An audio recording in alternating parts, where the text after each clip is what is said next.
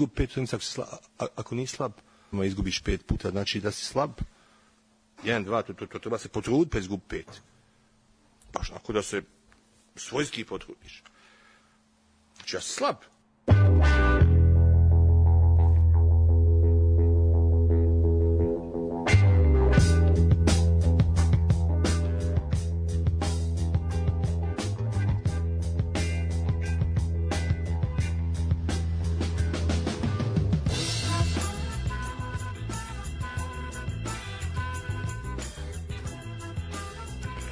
Dobro veče i dobrodošli. 147. put, ako mene moje brojanje ne vara, večera su nešto skraćenijem sastavu, ovaj najviši, najduži deo ekipe je izostao, Vuk je opravdan odsutan, ovaj, neku prehladu je zakačio, tako da smo ga pustili da odmara i da sluša kako to dva prekaljena ovaj, starca rade.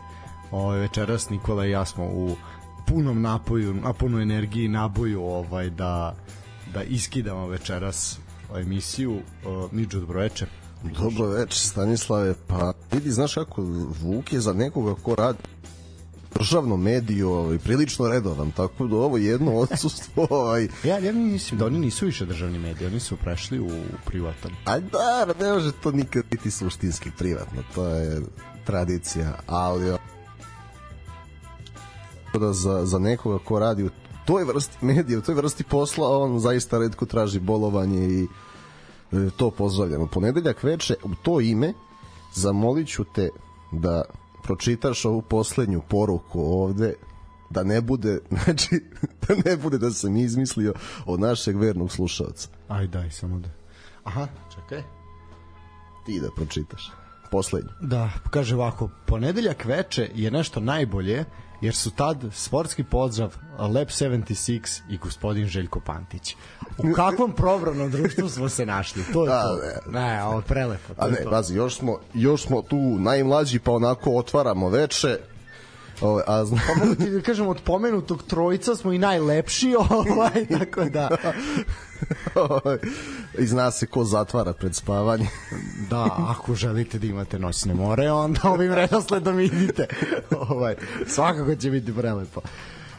Uh, boga mi bila je, da kažemo, turbulentna nedelja, bila je iza nas, bilo je zaista svega i svačaka, ovaj, i nećemo mi mnogo častiti časa, ja bih krenuo polako, ovaj, redom. Pa vidi, kad si već pomenuo Lab 76, samo da ovaj, kako komentarišeš ovaj sprint i novog tehnički novog pobednika u nečemu. Bar, bar nešto smo videli novo da se obradujemo. Pa da, ovaj, mislim, ono što moram pohvaliti je, prvo, meni utisak trkačkog vikenda je definitivno ekipa McLarena, to je prva stvar.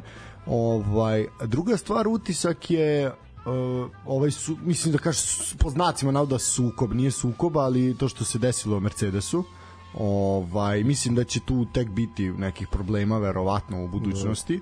Da, oni su se izgrlili za kamere, ali Pitanje je naravno. vidi, treba još dve godine da voze zajedno, a mm. znaš kako, George je dovoljno brz da parira i ja ne, ne vidim ih da će to dve godine da cveta, čak i da izdrže.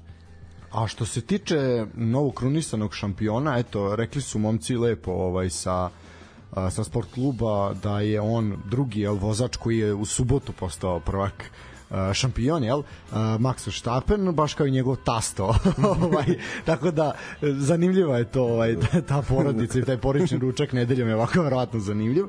A, ništa, Da, sad si izjednačio s tastom i tastom da, tri po tri titule. Pa mislim da će ganjati makar da bude bolji od tasta, pa onda A, dalje to, već to da. će i biti, a... E, ono što je meni zanimljivo i negde koliko je zapravo to postala rutina i na primer prvi put pa i ajde, ali dobro, na prva titula je baš bila borbena i druga i ajde, druga isto bila dominantnija nego prva, dominantnija osvojena.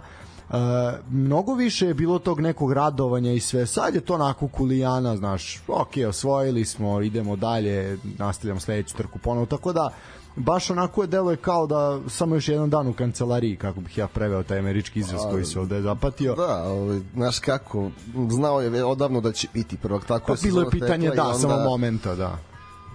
Ovo, nije, ne, nema rivala ove godine, ali pazi, ekipe su se približile, znaš, nego prepun je samopouzdanje i ne greši. Nema udes, nema kontakt, sad i on se više ne baca kao ranije ispred svakog, jer on znamo kako je preobilazio, šta je radio, pitanje da li je dovoljno kažnjen za sve svoje incidente. Apsolutno. Ali, znaš, sad dozira i nikoga još ne tera na rizik. Sad to čeka, on čeka konkurenta da bi, da bi ponovo više rizikovao ali ovaj McLaren, znaš što su oni zanimljivi? Ja nisam, ja ne pamtim kad je neka ekipa toliko napredovala u toku sezone. Da prvih pet trka ih nema nigde. Da, baš su bili loši, da. I da sad, da, da voze ovako. Opet dva mlada vozača, jedan posebno mlad ruki, jedan koji isto vozi petu sezonu sa 20 četiri godine. Pa da, neko ko je neki iz, iz, zaista taj mladi mladi izdanak ovaj ta neka mlada generacija, nova generacija kako su je nazvali, jel?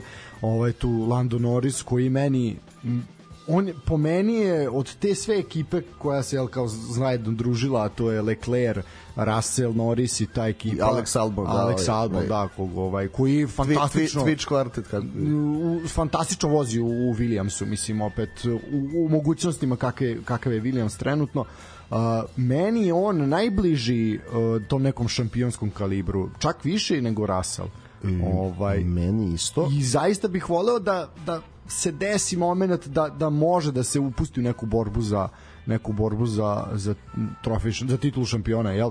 ali za sad mislim da je to, to, to svetlosne godine pa, su razlike. vidjet ćemo za sledeće godine ne tamo kako, kako ide sad taj razvoj bolida, to nije nešto njima da. stručnijih od nas, ali ja mislim da McLaren ima dva šampionska kalibra, da ni oni neće dugo moći zajedno jer će u jednom momentu jedan i drugi hteti da predvode ekipu. Da, da, da, to, taj moment ko je prvi vozač, ko je drugi vozač, to iako to u McLarenu jel nikad nije bilo, ali bojim se da da će im to praviti problem u nekom momentu ako ne budu toliko dominantni ko što su kroz istoriju bili, a verovatno neće, jel? Vidimo da su svi mnogo izjednačeni. A, još jednu stvar, šta misliš o ovom menjanju guma? To smo i sad malo vani mislili. Pa meni je, meni je to šok bio. Nisam ja sam bio iznenađen, da, zašto? sam čuo I na, ovaj, znaš i sam da sam imao nekih obaveza i onda nisam mogao da ispratim onako ceo trkački, vidite kako se on inače prati. I sam, vidiš, šta mora da stane tri puta, zašto? Ali fora što sam uh, gledao sam, stranci su to ovaj, prenosili, ja nisam gledao na sport klubu i onda niko ko da objasni zašto mora. Nego eto, FIA je odredila i to je to. Tako da bez, meni je bez veze, zato što te limitira, možda neko ne bi stao, uopšte nisu morali ti praviš svoju strategiju, ono jedno znamo da ima obavezno, dva različita seta i to je to, ajde, to neko pravilo ima smisla, ovo drugo uopšte nema. I, pa- mora, I moram da kažemo, nehumani vremenski uslovi, U, to da. gde je baš Lando Norris rekao da su igrači, vozači padali po klinici u pa, nesvest. Ko je rekao da je povraćao tokom... Okon je rekao ili šta Okon je Okon je povraćao, a Sargent nije mogao da završi trku da, od toplotnog udara. Da, da. Pa ne. Mislim, e, šta, stvarno... Ta jevi ga vožnja u pustinji, mislim. Pa nije, znaš, moraju da, ajde, nekako u martu izdržiš onaj Bahrein noću i Saudijsku Arabiju, ovo je baš onako nehumano, sve zbog novca, onda shvatiš da on uopšte nije bitan, ono gledaš hoće ti ljudi, znaš, i oni su ljudi, nisu... Da, iako su, mislim, ali a onda nekako, prvo, i dalje meni, ove sezone istorijska je po tome što imamo nikad veći broj trka u sezoni. Uh, meni opet deluje kao da taj raspored nije dobro napravljen. E, do godine je bolji. Sad su napravili zbog e, na, evo, izgovor im je ekologija i transport. Pa što su sad de facto problem. Napravili da. sad nema ništa neće biti monsonske Suzuki. Premeštena je na početak da ide kreće se iz, iz Bahreina iz pustinje, pa Arabija, Australija, onda Japan i Kina i onda se ide u u Evropu. Pa, pa ali nek bude da povezano, naš besmisleno je da sad, smo, sad ćemo imati dve trke u Aziji, pa ćemo ići u Evropu, pa ćemo se vraćati opet u Aziju. Ajde onda da odradimo sve što imamo na tom. Ako imamo već jedan taj Bahrein, ajde da onda sve što je, onda da idemo i Katar, to je opet su slični vremenski uslovi, a ne, imaćemo Bahrein, imamo na početku sezone, a ovo ćemo da imamo ono već kad je kad tamo zagusti s vremenom. Pa mislim, to, ili, ili imamo uvek ovu kako se zove isto, imamo Belgiju koja ono večito pada kiša, mislim ono isto. Daj, ajte malo. I boje se zbog bezbednosti šta se sve dešavalo u, u drugim kategorijama da. i nekim šampionatima u Belgiji, pa onda ili izbacite ili na, promenite konfiguraciju, onako, to je malo, malo škripi ali ili ih pustite da voze u krajnjoj liniji da. sad i to sa čim padne tri kapi kiše sad ma ne mogu da voze mislim a malo i na... pa iz poštovanja prema seni nek voze čovek je život dao da bi Ne, mislim malo malo je ima nekih ima nekih ovaj kako da kažem, da, da. nekih momenata. Ono što je što je dobro, to treba pohvaliti, to je publika koja je bila u Kataru. Uh, baš su to i ovi momci sa sport kluba rekli da 120.000 ljudi je posetilo ovaj uh, tr tokom trkačkog vikenda je bilo prisutno uh, prethodnih godina i kad je bio MotoGP i sve to je to je bilo negde do 8000 i tako to je zaista I svuda su rekordne posete da. uživo ove godine i, i zbog sprinteva i generalno zbog stvarno što vidi Liberty Media je i nadmašila Bernija Ecclestona u popularizaciji sporta. Da. I pa zato se MotoGP biće zajednički vikendi zato što oni hoće, oni imaju sad recimo mnogo neizvesniji šampionat, a zbog ovakvog Markeza i Rosija kojeg više nema, nemaju tu neku zvezdu nikako da popularizuju ovako dobre trke, a tu je kladnica svaki vikend. A opet formula, al formula je formula, to nešto uvek je imala i imaće i dalje. Ali ja sam za to, neki imaju zajednički vikend. To treba. Ja sam, treba. To, to, to, to može samo još veći spektakl da bude. Sigurno. Apsolutno. I ja sam za to da Liberty Media otkupi našu ligu i da napravi od toga vidi. nešto. Pa ne vidi, mislim da očigledno. I da prenosimo Delić ti i ja. A, da, ajmo kad smo kod Delića. A, naš... E, izvini, pre futbol imam da. samo, pošto smo pomenuli smo košarku, ovaj, ABA ligu, KLS, jednu temu sa Vuletom prošli vikend. Jesi da. video rezultate, molim te, Krka, Partizan i Zvezda CDV. Da, vidim se. Znači, to liga nikom više ne treba. Ali nikom više ne treba. On je stvarno postao besmisao. Samo ću toliko reći i idemo na našeg drugara. To ćeš ti... Na našeg druga i prijatelja, brata, saborca Nikolu Delića, a, verujem da sluša tako da jedan ovako zaista duboki duboki naklon sa naše strane i ne samo sa naše. A, momak je dobio mnogi bi rekli jedan nezahvalan zadatak a dobio je da prenosi utakmicu a, između sloge iz Čonoplje i radnički bajmok je bilo u pitanju. Ovaj i zaista spektakl u, u Čonoplji. Prvo Delić išao u posetu Čonoplji, išao je malo da se ovaj da se informiše. Ovaj bila je priča da će se raditi sa lica mesta prenos, što je još bolja stvar. Međutim na kraju kaže nije bilo tehničkih uslova, što mogu da razumem, nema ga ni na superligaškim stadionima bude problema. Ovaj sećamo se da u Kuli nije bilo i sećamo se priče ovaj našeg dragog ovoga Laze Bakman za koji je pridržava kablove za internet dok ovaj dok se dok se prenosi utakmica. Tako da je ipak rađen iz studija u Beogradu iz kabina što ajde da kažemo malo je smanjilo malo je smanjilo taj utisak. Mislim da bi e, još taj doživljaj njemu kao komentatoru bio još bolje da je bio na licu mesta s obzirom da tribine odnosno tribina koja je bila u Čonoplji je bila dupke puna. E, jedna vrlo vrlo dobra utakmica za bismo pričali, to bi trebalo biti neki peti rang takmičenja. Ovaj zaista prvo dobra utakmica, vidi se da su momci bili naloženi jer je su bile kamere prisutne, što svakako njima znači. Ovaj s druge strane uh, Delić koji je to preneo fantastično. Pa to ti to ti je ona varijanta, znaš, spremamo stan zato što je slava i dolaze gosti. Ta, tako i ovo, znaš, da, da li su sigurno svi ovo što bi oni rekli 200% sebe onako futbalski zato što su znali da se i njih neko setio. Zamisli onako ceo život igraš tu i ono ne znaš nekad možda ni zašto igraš. I onda neko kaže e su, sutra si ti na areni.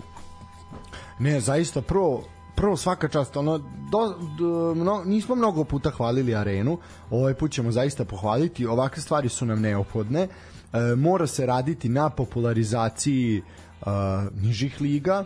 Ono što je radila ekipa pravog futbala je bila dobra zamisao, ali nekako nije imalo tu konstantnost da se izgura. Mislim, tada RTV jel, nije imao nije baš imao ovaj sluha za tu ideju, ali to ne... je ipak komedija. Bila, da, da, ali ali ta ideja ali neki ideja omaža prvo tim nižim ligama svakako da. da.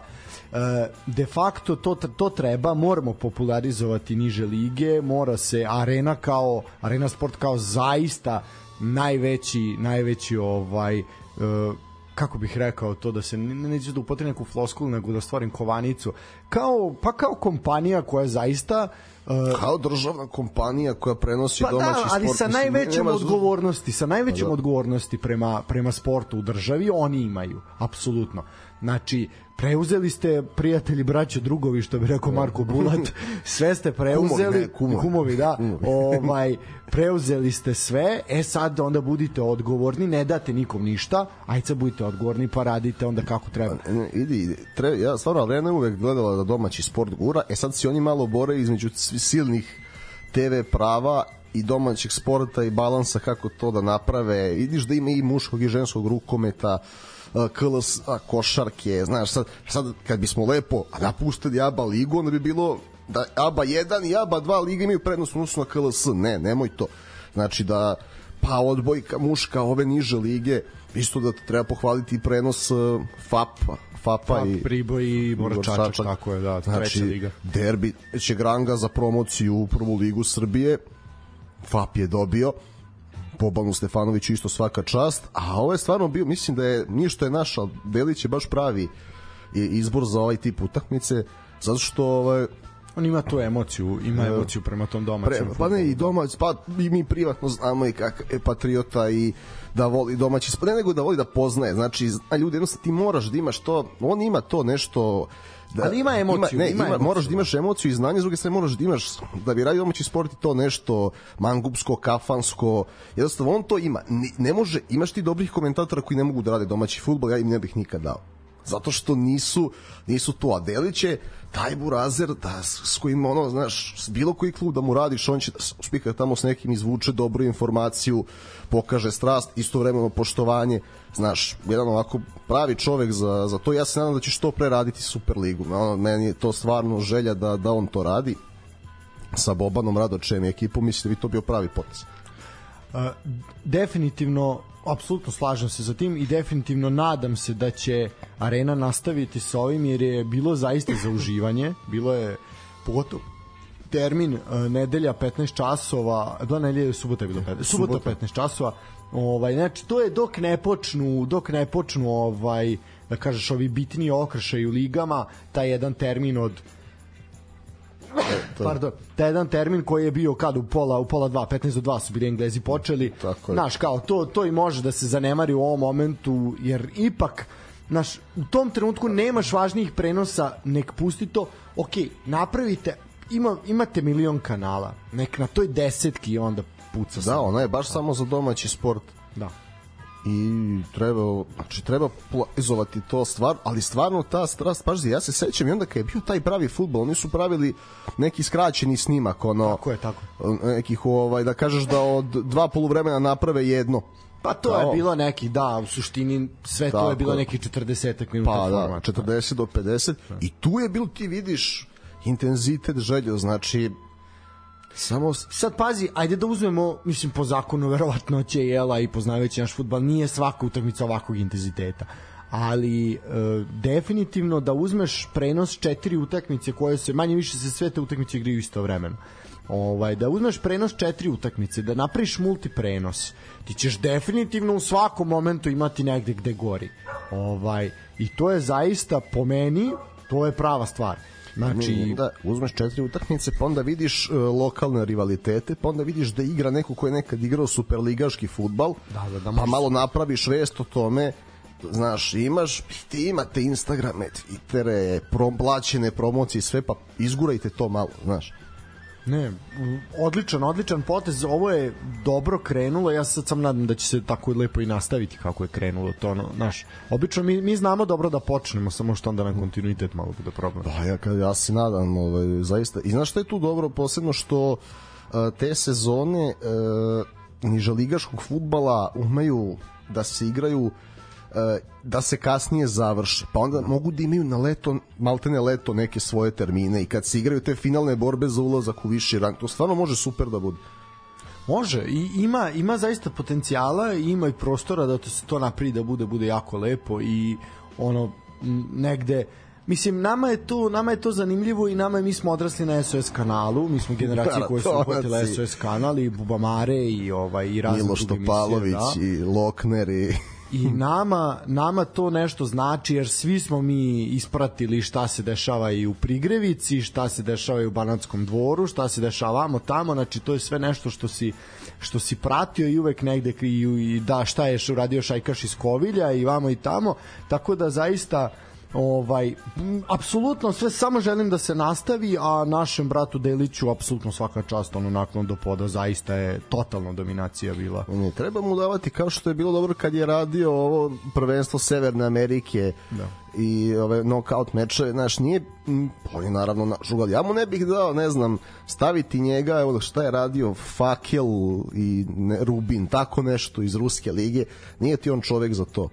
Daj, daj mu ovo i, i pogodio si. Pa mislim ja ta utakmica ja ne znam koga zanima. Pritom ja ne znam koga uopšte zanima rusko prvenstvo sem utakmica ono velike te neke četvorke, petorke da kažeš ono Zenita, Spartaka, Dinama, CSKA, a i Krasnodar i pa, ovi da. Vlade Ivića i tamo gde ima još naših a, igrača, mislim, Rubin ono, da imamo sa četiri igrača da, pa da prenosiš. Ono, ta ufa i koje kakve gluposti. E, e, ali to je, e, to je, to ti je problem TV prava i ugovora, znaš na, na šta si se i kome obavezao. To ja sad neću da ulazim u to šta mora, ali neke od tih liga i utakmica treba žrtvovati radi popularizacije Absolut. svog domaćeg sporta. Apsolutno se slažem.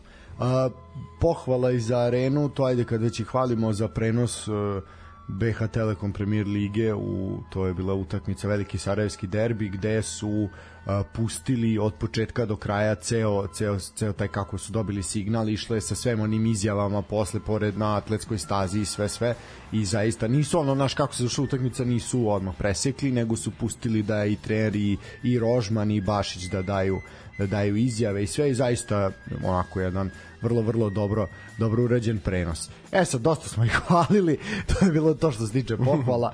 Uh, definitivno je sportska nedelja ovaj ono što je bilo da kažemo tokom radne nedelje pre vikenda naj zanimljivije i što je privlačilo najveću pažnju to je utakmica ili ti dan D za Crvenu zvezdu u Ligi šampiona a, oni su da kažemo otvorili ovaj triptih naših timova ove nedelje, tačnije prošle nedelje u evropskom takmi, evropskim takmičenjima. Crvena zvezda je istrčala na teren Rajka Mitića protiv Young Boysa. A, ono što prvo moram da ih pohvalim, to je da pohvalim navijače za koreografiju. Uh, očekivao sam neki tenki, neke gluposti opet, ali ovaj njih uvek očekujem da, uvek, tank, tako uvek da. nešto će biti nešto morbidno, ali ovaj put zaista kulturica, za evropsko tržište kulturica, kod nas zna se, ovaj, ali dobro, ne, ne, do, što se toga tiče, zaista se uh, navijači nisu obrukali i onako vrlo, vrlo je to lepo izgledalo, na kraju stadion bio pun uz eto nekih desetak posto ili 20 posto koliko kapaciteta stadiona je podeljeno, što i nije tako strašno. Na kraju krajeva, dosta, čujemo da se dosta paketa ipak prodalo, što je opet zanimljivo i ono što je za razliku od TSC stadion je bio pun dok smo videli da na TSC-u je taj jedan sektor ovaj bio bio zaista prazan do gostujućih iako su te do tamo do onog boksa gde su gostujući bio je prazan znači da to ipak je mnogo ljudi kupilo karte najviše verovatno samo zbog West Hama, a ja verujem da će i protiv Freiburga biti tako. Ja, biće više sigurno. Pa, ali mislim ali da će ne, opet čuli, ja, znaš, poznajući navijače Zvezde kroz istoriju, ja sam mislio da će oni to sve da rasprodaju. Oni, nije, međutim, znaš, ta, e, ta usiljena orijentacija nekako prema košarci u poslednje vreme kao, i oni su potpali po to. Nisu mi oni što su mi što su bili na fudbalu. Pre sam ih stvarno, znaš, moraš na stranu ove koreografije tenkovi da im skineš kapu za brojnost i to ja sam očekivao koliko ih ima da oni to baš razvale onako. I, pa ja mislim, i dalje nije loše, nije ali loše. Za, za njihove standarde ja sam baš pa mislio da, da se ništa neće uh, deliti. Pričali smo to upravo i sa Delićem. Ipak su ti paketi za istok i zapad preskupi. Ovo je jako puno.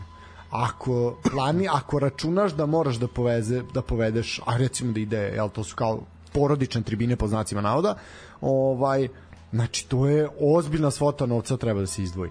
Tako da po meni ja ja mogu da razumem zašto je generalno prodaja prodaja slabije? Osim ono što mi je neshvatljivo i mislim nije mi neshvatljivo razumem i tu prodaju košarkaških ulaznica ali po zaista po meni ja ne znam da li to vredi toliko te novce na primjer, ali dobro, mislim sad Dobro, ali oni imaju, znaš kako vredi u smislu da imaš 17 utakmica kući, format je takav. Sad je tu, Da. ima i toga, ali opet nekako taj marketing košarci to sredi, nekako to plane, a nije ništa jeftinije kad se plaća u celo. I onda, da.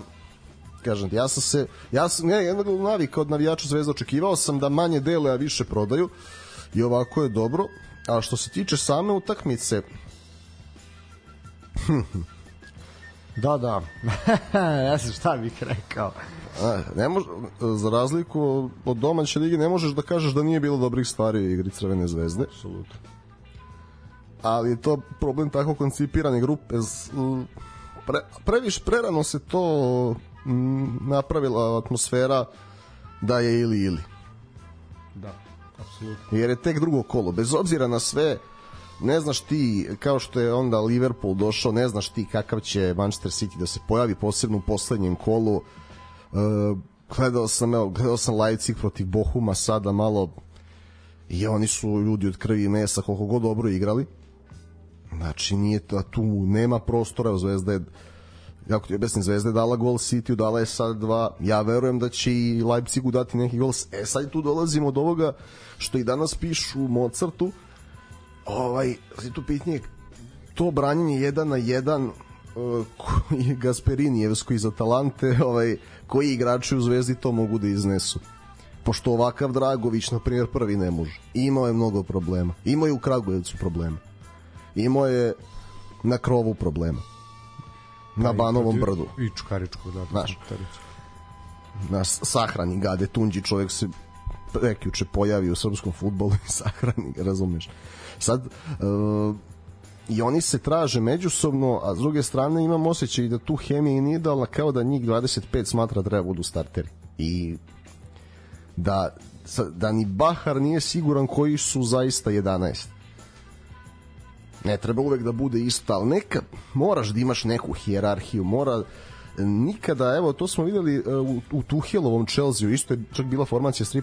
On je mislio da uvek može da ima 22 igra, pijuna, da ih rotira, da mu jednu utakmicu igra i da naredne dve ne igra i da mu on ne objasni zašto. I naravno da je to puklo. Bez obzira što se pre toga osvojila Liga šampiona. Nekako, malo me sa tom hladnoćom Bahar podsjeća na, na njega. I pravu si, ali ajde da posmatramo i sa ove tačke. Uh, ko zna šta je njima rečeno kad su oni dolazili? Znaš, moguće da su im obećali svima da će igrati. E, pa, što, ovaj, Znaš, što bi, je isto što bi vrlo rekao verovatno. jedan čovek meni koji je bio u blizini Zvezdana Terzića, meni je najlakše, kaže, meni je najlakše da obećam. Da. Ali to je, znaš kako, kao da je rađen prelazni rok, znaš u menadžeru kad dovedeš 15 igrača i svima staviš key player, E, to, to, to, a to. onda, Onda bude onda ti se zašto- ljute u toku sezone dobijaš onu inbox kao Zašto ne igra? Da, da. I traže da igraju. Tako mi to je to. Pa, ali vidi, uh, pazi, uh, pričali smo to Ivan, ozbiljni pojedinci uh, koji su da kažeš u ozbiljnim igračkim godinama došli ovde jasno je njima kakvu ligu oni igraju ali došli su zbog evropskog takmičenja. I šta se onda dešava? Jasno ti je da imaš ograničeno, znači ti nemaš 17 utakmica u Ligi šampiona kao Euroliga pa će svi igrati, nego imaš to što imaš.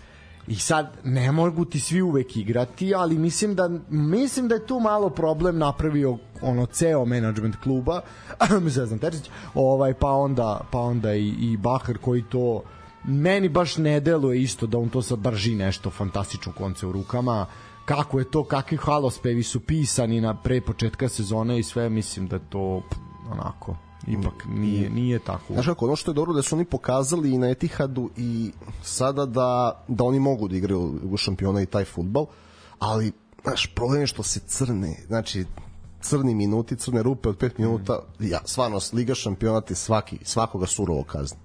I mnogo bolje ekipe od Zvezde. Mislim da Zvezda nije trebala da, i- da je trebala da pobedi ovu utakmicu po broju šansi, kad vidiš. Da, je to. Tako da je gol za 2-2 apsolutno zaslužen. A s druge strane, mislim da je u smislu tačnosti pasa, ja sam više očekivao od Hvanga, moram da... E, upravo, moje, moje jedno od pitanja je bilo, ajde kažemo, Bukari je odigrao dobar meč, ovaj, ponovo, a št, meni je bilo pitanje upravo za Hwanga. Uh, Bio je bolji Netihad. Bio je bolji Netihad. A evo bio je najbolje ocenjeni najbolje ocenjeni igrač Zvezde u duelu sa Young Boysom. Imao je prosečnu ocenu ocenu 7,8.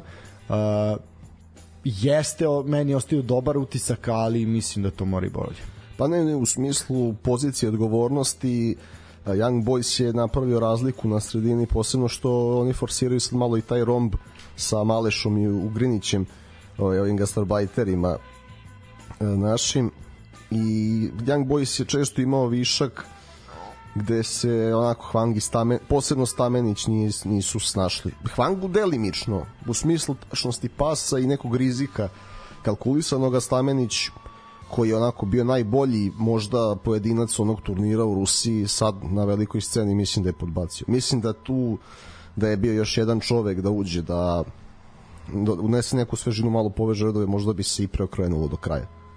E sad još jedno pitanje imam, a, to je vezano za zadnju liniju o kojoj smo pa, dosta pričali ovaj, i to smo čak i dobili pitanje da li je moguće da se odlazak Erakovića ovako oseti da Zvezda ono, bukvalno ima više od gola po utakmici prima. Pa moguće, znaš, jer znaš kako se Strahinja njegov, njegov problem je u stvari bio Zvezdan Terzić i, i te nerealne izjave koje on daje.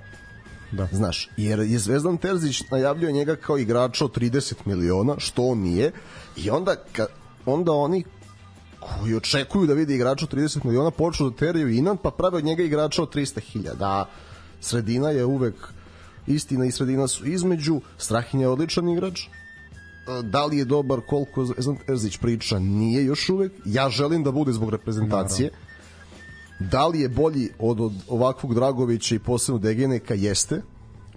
Od Degene, kad Da li bi- nas dvojica da stanemo bi bili bolji. da li bi Điga i on bili super tandem? Bili bi. I zbog brzine i mladosti donošenja odluka pri velikim brzinama razmišljanja apsolutno bi bili. Fali, oseti se ne može to, mislim da Mičko Milović koliko god bio zahvalan, voljan da se podredi timu, da on nije ta klasa Ne, apsolutno. On to možda, pa čak i u našoj ligi je pitanje. Uh, da li može. U suštini, što da sumiramo zvezdu, uh, m, javnost je oček... sportski auditorijum, rekao sam da ću tako govoriti, ovaj, je sigurno očekivao pobedu. Uh, mislim da smo i mi očekivali. Uh, Remi nije katastrofa Apsolutno. i negde Remi je da kažemo zaslužen i pošten. Ovaj golman i obe ekipe su bili na bili na visini zadatka i ono, ali definitivno stvar gde se stavlja veliki upitnik i uzvičnik je a, ta zadnja linija Crvene zvezde jer ta od deluje da će se upravo na toj kompaktnosti u igranosti zadnje linije tu će biti prevaga koja će Mm, Znaš kako, prvo uh, zašto prvo preće Zvezda da uzme bod Leipzigu nego Young Boys City? Mislim, Pep je da. nemilosrdan, on još kako ti objasnim, on će da samo je pitanje ovaj da li će da razigrava neke klinci ili će da samelje Young Boys. Zvezda šansu protiv Leipziga ima koliko god je to dobra ekipa i opasna uh, i ona ima svoje žute minute, o tome ćemo kada, kada se ti mečevi približe i samim tim prvo Zvezda može da dovede sebe u poziciju da njoj više odgovara nerešeno nego Young Boysu u Bernu a sa drugi, da li je Young Boys ekipa koja će pod pritiskom tako lako da pobedi Zvezdu koja još ima prostora za napredak? Pa nije. Eto, I tu, tu treba tražiti ovaj, šansu, ali opet, znaš, mnogo se priča o pojedincima i sad, znaš šta me nervira? Nervira me ovaj, zbog jedne loše utakmice, vidio sam floskulu koja se zapatila Lenji Kraso, a taj čovjek je nosio zvezdu u nekim prvim utakmicama. Sad da se neko tako neka zla krv postoji, nešto malo iritira i stalno se traži se neki krivac. da bio se Pitaš potkra- mene ako ću da uperim u pojedinca, uperiću u Dragović. a, u, Ne pon, svaka čast njemu na karijeri, ponašanju svemu, nego on je taj koji najviše podbacuje trenutno i koji se najteže adaptira na Bahara. Da, e, upravo to sam te reći pored tog naslova, bilo je mnogo, bilo je mnogo zanimljivih naslova, mislim zanimljivih kažem po znacima navoda opet. Uh, Zvezdi je potreban uh, trener, a ne menadžer. Znaš, tako ma, malo se Poređenje Bahara sa Čkaljom je ružno prema čoveku Da, mislim, i onda je tako baš se pravi preterana negativa, ja ne znam iz kog razloga, ali kao da, ne znam, kao da postoje neke struje, kao da Bahar nije ispunio nečije očekivanja, neki igrači, ne znam, nisu ispali nečije očekivanja, a prošlo je tek dva ili tri meseca, toliko je, svakom treba vreme. Mislim, čovek dolazi u srpski futbal, pa šta misli da će da se adaptira tek tako na nove uslove? No, da, treba ljudima se adaptirati na premier ligu, a ne na super ligu. Pa, pa, lakše se adaptirati na premier ligu ako si fizički spreman, a ovde ajde ti... Pa jeste, apsolutno.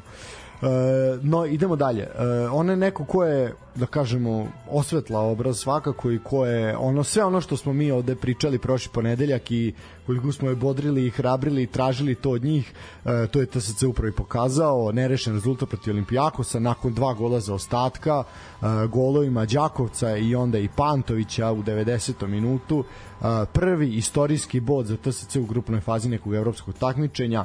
Svaka čast momcima u plavom, nisu se predavali, eto kažem, ni posle dva gola za ostatka, negde su čak u finišu jurišali na potpuni, potpuni preokret. Uh, zaista negde bod koji pokazuje da TSC ipak nije zalutao tu gde jeste i zaista, zaista onako borben i ja sam to i objavio na našim mrežama ovaj zaista svak, svaka čast TSC-u ono lavljeg srca pošto je njima lav maskota zaista, zaista svaka čast uh, momcima i Žarku Lazetiću uh, veliki, veliki, veliki bod uh, posle malo im se to obilo u prvenstvu, ali dobro, to je sad o tome ćemo pričati. Ovo je mnogo bitnije da, je već za sam klub. Uh, lepo je bilo videti Stevana Jovetića, Uh, vidim da je bilo vidim da je bilo da kažemo toplog prijema od strane publike publika ga je baš lepo pozdravila na zagrevanju i posle kad je ušao igru i nakon igre i to je to je lepo da se pamti šta je Stevan Jovetić radio na terenima našim. Uh, sa druge strane... Na mnogo lošijem kvalitetu na terena. Mnogo, da je imao TSC arenu dok je bio ovde, pitanje šta bi bilo uh, i kako bi to još bilo možda bolje. TSC-u zaista svaka čast. TSC, ne, nemam samo reči hvale na borbenost, na zalaganje, na Žarku Lazetiću, na postavljanju igre, na toj nekoj smirenosti, da se nije potonulo kako to naši obično znaju da potonu posle 2-0 ovaj zaista. Ne ne sve sve se žare se sa nekim rotacijama Stajane adaptira u toku utakmice žao mi je što nisu još od prvog minuta onako krenuli na njih, ali s druge strane su oni namirisali da je to šansa, dok kaže, znači možemo da budemo treći, da odemo u onaj play-off za conference, ok, West Ham i Freiburg su neka svoja liga, ovo je šansa. I, i dalje su u igri. Žao mi je što nije pobeda, ali zato sam, znao sam ja da ovo mogu i zato sam bio razočaran protiv Brage, jer sam znao da, da ono nije njihovo pra, pravo lice. I tako da sam baš, baš zadovoljan onim što sam video i to je, pazi, sa, bez jednog stranca. Da, za razliku od Crvene zvezde koja je u prošloj utakmici bila bez apsolutno jednog domaćeg igrača. Da. I pazi, ja, sma, ja smatram da im bez sve da i njima treba, ali toliko je ovaj uspeh veći, jer ti to, gle, Veljko Ilić, Mateja Đorđević, e, Stojić, Đakovac, Pantović, Pantović Stanić, to sve može da bude na nekom spisku dugoročno napreduje, razvije karijeru, Stojić je već i bio, neki su članovi mlade reprezentacije, a kao profil igrača niskog težišta ja bih stvarno volao da, da selektor Stojković pozove Đakovca. Jer mislim da on i Kristijan Belić mogu da donesu nešto drugačije ovaj, od gomile zadnjih veznih koji liče kao ja jajetu i ne služe ničemu, svi čekaju da Tadić uradi nešto. Da, pa da, tako da ja, ja bih volao da bar ovaj, u nekoj prijateljskoj utakmici Ife Đakovac za sve ovo što radi dobije poziv. Prvo što je bio najbolji ovaj, na olimpijskom stadionu u Londonu, sad je postigao ovaj, gol, igrao fantastično, izdominirao vezni red Olimpijakosa, za, kažem ti, žao mi je što nisu tri boda, ali gledaj sad opet pod pretpostavkom, znači Freiburg je dobio Olimpijakos u Atini da ih dobiju kod kuće što je realno. I West Hamu sada trebaju West Ham će sada rešava sve pitanje prolaza Olimpijakos je outsider. E, TSC ima šansu u Atini da bude treći i da obezbedi evropsko proleće. Nije favorit ali šansa je tu. Imaju priliku pa ne baš mislim da posle utakmice mogu da se opuste za, za Freiburg totalno. Pa da vidimo mislim ajde da vidimo, svakako će biti zanimljiv, zanimljiv moment, 26. oktobra se igra ta utakmica. Tako je. I Fraj, da. Freiburg nije, on je onaj Bundesligaš onako koji racionalno raspolaže sredstvima. Freiburg nema ekipu za dva fronta, to se videlo protiv Bayerna, sada ne mogu da dišu. Vidjet ćemo. Svako znači, ako Freiburg bude mešao sastave ili nešto, sigurno šansa postoji u, u Topoli. Evo ja ti Absolutno. kažem. Pa ja verujem, verujem da će biti tako i nadam se da ono, da će se doći i tu do bodova. Uh, svaka čast momcima, kažem, zaista onako kako treba, a sad ćemo doći do ekipe kako ne treba.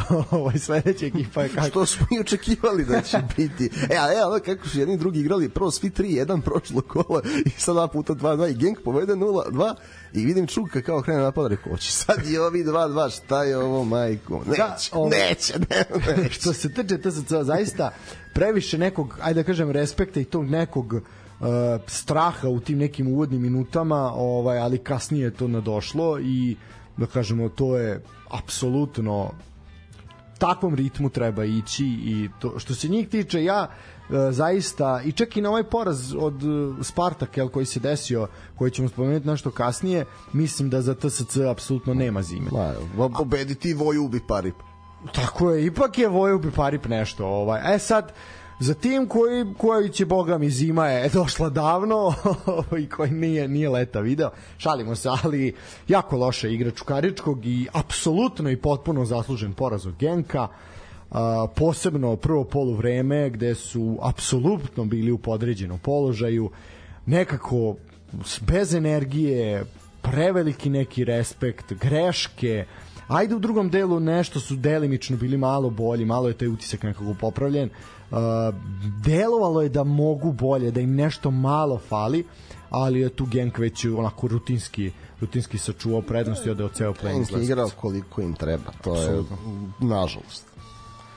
I, znaš, zbog loše, kako ti mislim sad onda ovo, ovaj potez zbog loše igre celog tima, onda se slome kola na Detunziju, pa onda uvodimo dete zbog prodaje skauta i to onako na silu, što, ono čemu dulje priča, nemoj da da uvodimo decu kad ne treba, nego u dobrom kontekstu. I dečko isto tako, koliko god da je zaista talentovan, Petković, onako, prvo ti uvodni minuti, onako katastrofa za njega, strah, ono, nije, nije očekivao da će ući tako rano. Ja i dalje mislim da, ne znam, da je konferens takvo takmičenje da Čukarički neće ostati na nuli. Ako ništa igra, naš posljednje kolo će Deki doći u Leskovac, možda će već obezbediti prolaz, što mu ja želim od srca i o, malo će spustiti gard ali da je da je Čukarička ekipa za grupnu fazu nije još uvek. Mislim to pokazuju. A vidi da je TSC u konferensu to bi vidi to bi bilo 6-7 bodova. Apsolutno, sigurno, sigurno. Pa to je ono što smo pričali da su zapravo svi svi zapravo za jedan level više možda nego što bi trebalo, mislim tu prvenstveno na Zvezdu i na na Zvezdu i na TSC, ali dobro. Uh, šta još imam da kažem? Uh, Dobro, ne, vidiš, Zvezda je, kako ti objasnim, pok, znaš kako... Pokazala je da može da se nosi, da.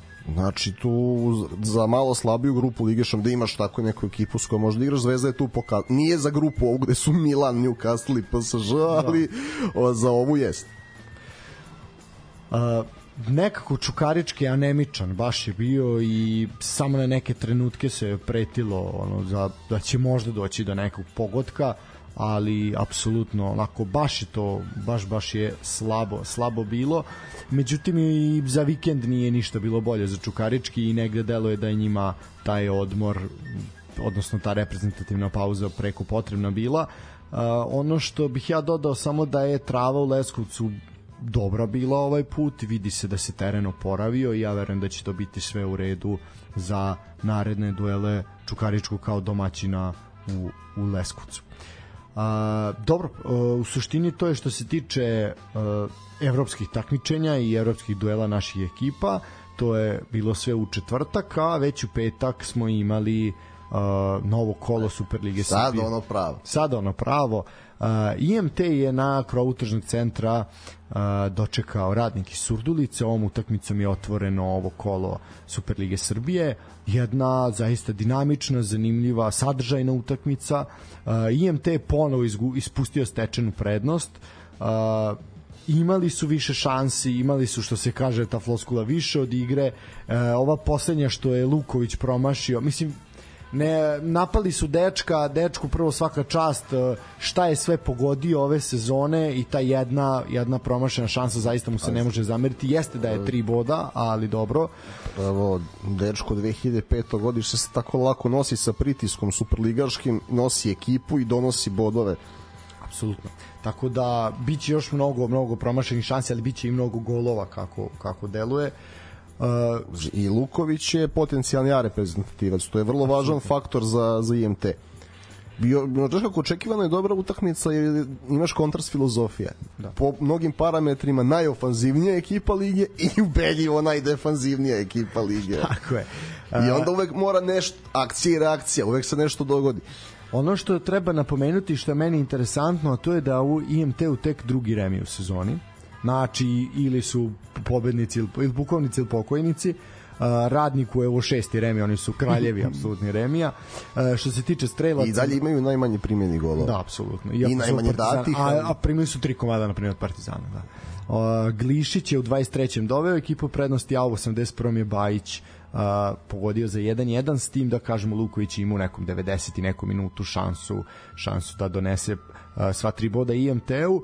Ono što još treba reći da je tokom drugog poluvremena utakmice na krovu jedan mladi vatreni navijač preskočio ogradu i leteo na teren sa željom da dobije dres nekog od igrača radnika. On jeste izazvao kratki prekid, ali je u pratnji Vranjanina izašao sa terena i meč je mogao da se nastavi. U pitanju je jedan mali dečak koji je ovaj uleteo i simpatično je... Ja, ja ga pozdravljam jer treba to je to je neko poput nas, znači želeti dres radnika, radnika. iz Surdulice je apsolutno ne vidi, zaista isprećenja da, plan ko je zvao Bigo emisiju, majke. I, i apsolutno na, vrhunski potez e, Surdulice bi bio da, da dečku poklone dres. Ali, to bi bilo apsolutno. E, zaista i mislim bilo je svima simpatično Niku tu nije bilo nikakve frke ni od strane redara ni ništa ispraćenje aplauzima ali to samo pa. govori da ono ljudi ljudi vole, deca vole, prepoznaju I, ja sam za tu, tu vrstu reakcije, znači, da. ok, šta je, skloni se, ne volim da vidim ono, kada, kada onako čoveka haps, baraju njih petorica, hoće da ga ubiju što Dobro, ovo je dete, mislim da, pa, okay, da. Vidi, ali sve je, vidi, i prema deci u, u stranstvu sam viđao grubljih reakcija. Tako da ovo je znaš, simpatično od malog i šmekerski od organizatora. Apsolutno. Uh, ono što bih ja svakako rekao, ajde da se vratim uh, korak unazad, to je da pozdravimo naše drugare koji su bili uh, bili na TSC-u, eto, posredstvom, posredstvom emisije uh, Sportski pozdrav, ali i uh, naših dragih Retos Football Federationa, poslali smo uh, čet, petoricu klinaca smo poslali uh, u četvrtak u Topolu da posmatraju utakmicu protiv Olimpijakosa i deca su bila oduševljena, a pričao sam sa tatom jednog od klinaca i on je rekao da su se oni najviše oduševili taj moment blizine terena jer zato što nema atletske staze, a do sad nisu bili na nekom terenu jel da nema atletske staze, obično je to kako kod nas ide. Ovaj mora mora znači še, ako nam je liga 16 klubova, 16 stadiona bez atletske da. staze da. nam treba. I, I bukvalno su deca ostala zaprepašćena tom atmosferom da si ti tako blizu igračima i da imaš tako dobar pogled i to je nešto što Pa, neki taj primarni utisak koji je koji je klincima ostao. Plus to domaćinstvo, to je TSC ima to da se ti osjećaš kao kralj kad sedneš tamo. Apsolutno, da... apsolutno. Uh, dobro, to je što se tiče IMT i radnika, rekli smo radniku šesti remi, IMT u tek drugi. Uh, imali smo derbi Juga, jedan zanimljiv derbi ovaj Superlige Srbije, to je duel između radničkog iz Niša i Napretka. Uh, definitivno su zadovoljnim bodom gosti. Uh, Kruševljani su u dubokoj nadoknadi vremena 94. 5. minut se igrao kad je Stanojlić pogodio, dosta je taj gol bio onako pregledan, dosta je tu VAR se čeka, opet smo tu imali problematike e, sa uglovima kamera, opet je to ona priča koju smo pričali do sad, ja ne znam koliko puta da e, infrastruktura je problem, da se ne može videti, da je bilo nezgodno za videti. E, na kraju mislim što bi rekli komentatori procenite sami. ovaj 1-1 se piše, Miljan Škrbić postiže pogodak, to je ono što mi je uvek drago. A da, probudili su se i oni drugi strelac Slobodan Stojanović. Od obojice smo očekivali više u dosadašnjem delu sezone i ono lepo je da nas demantuju. Da, e, na asistenciju Petrova, Petrov koji igra zaista sezonu, sezonu je, odličnu. Ovaj, a što se tiče, eto da, spasilač Čarapana bio je Slobodan Stanojlović, od koga ja zaista mnogo, mnogo, mnogo očekujem. Uh, to je bio derbi Juga, kažem, dosta se tu polemike diglo opet oko suđenja, oko vara, oko uh, gledanja snimaka, nadoknade vremena, ali jednostavno ljudi uh, to je ta priča koju smo kažem milion puta ispričali i neću, ne želim da se ponavljam više jednostavno uh, takav, takva nam infrastruktura sa malo kamera se radi prenos, malo var kamera, malo svega, jednostavno najmanji paket imamo i zato je to tako tako problematično, ali dobro, šta sad, bolje nemamo dok ne budemo imali, moramo da koristimo ovo najbolje što znamo. Uh, da li je tu negde promena, renoviranje te neke infrastrukture, da se to malo, da sa boljeg mesta stavi? Se kao, mislim, ono u Surdulici je najveći problem, jer pozicija je problem, mislim ali dobro. Ne ne vredi, mislim na ne možemo dok dok se ne uredi nešto. utakmice, ja nisam mogao da isplatim koliko sam želeo. Ono što sam video, radnički je zaslužio 3 boda. Sad apsolutno, apsolutno. Uh, mislim, ne, stvarno ovaj Trajković baš se vidi da da radi ali se i muči. A, baš mu je... Nije, ne, ne, ne bi mu bio u koži nikako, ali vidiš sad, e, ipak na, imali, su, imali su onaj težak početak, ovaj sad se to malo već malo su se ustalili pogotovo sad će opet imati reprezentativnu pauzu ja verujem da će tu sad dosta ekipa izaći opet bolje nakon te reprezentativne pauze kao i prošli put uh, de facto je dobro što su ga ostavili. Da su ga lako odsekli, mm, ja, bio bi problem. Ja ne znam ko bi se prihvatio toga. Pa, I Niš bi išao dole.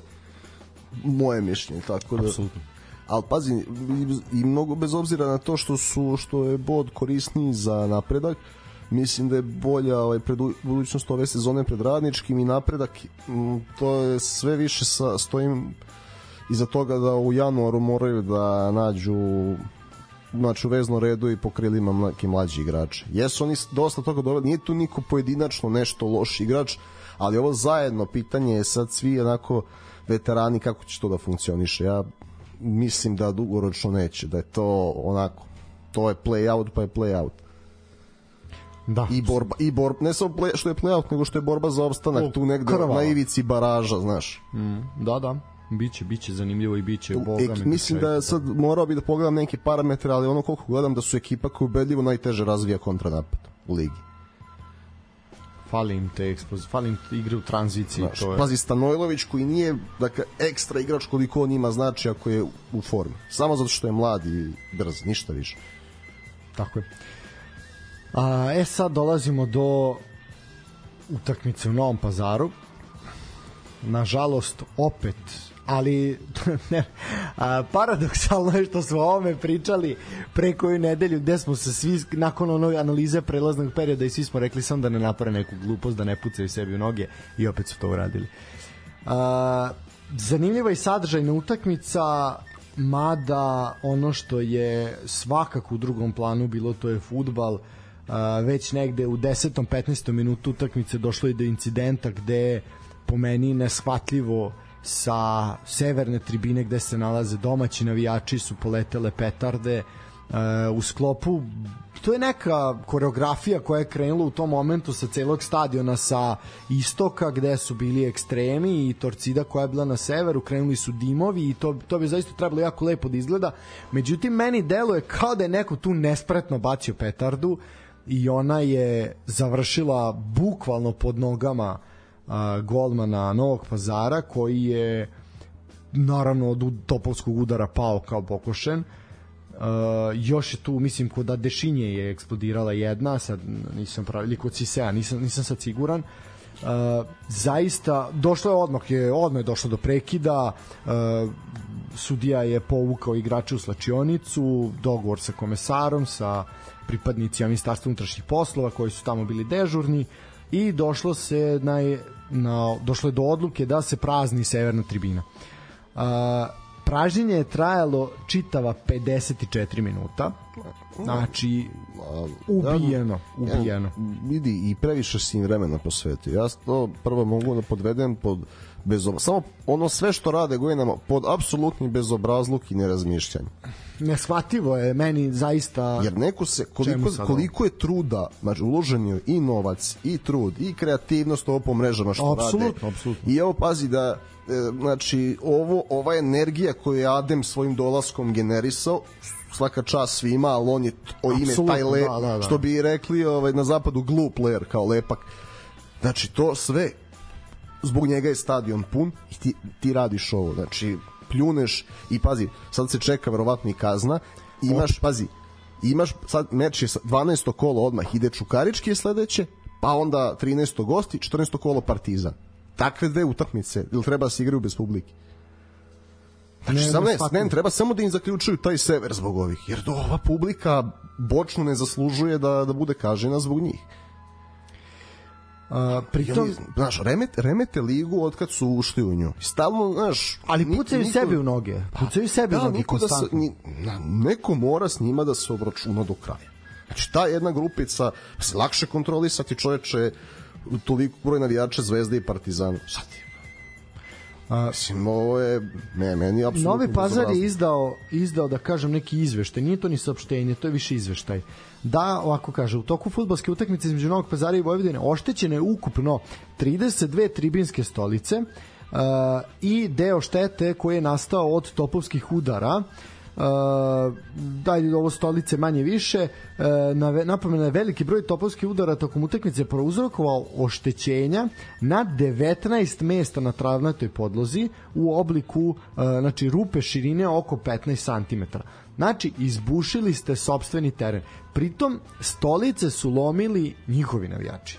Znači, ne gostujući, ne navijači Vojvodine, nije tamo u momentu gde je firma bila, isto važi i za ove petarde. E, neshvatljivo ponašanje, prekid od 50 minuta koji ima za jednog dobar tempo tih prvih 15 minuta 50 minuta prekida igrači ponovo rade zagrevanje e, prvo polu vreme normalno onda slabo da bi u drugom polu vremenu zaista imali onako jednu odličnu, odličnu utakmicu. Prvo je Floro fantastičnim udarcem u 56. minutu Floro koji je imao dosta lošu utakmicu, pogotovo u prvom delu. Iskupio se tim pogodkom.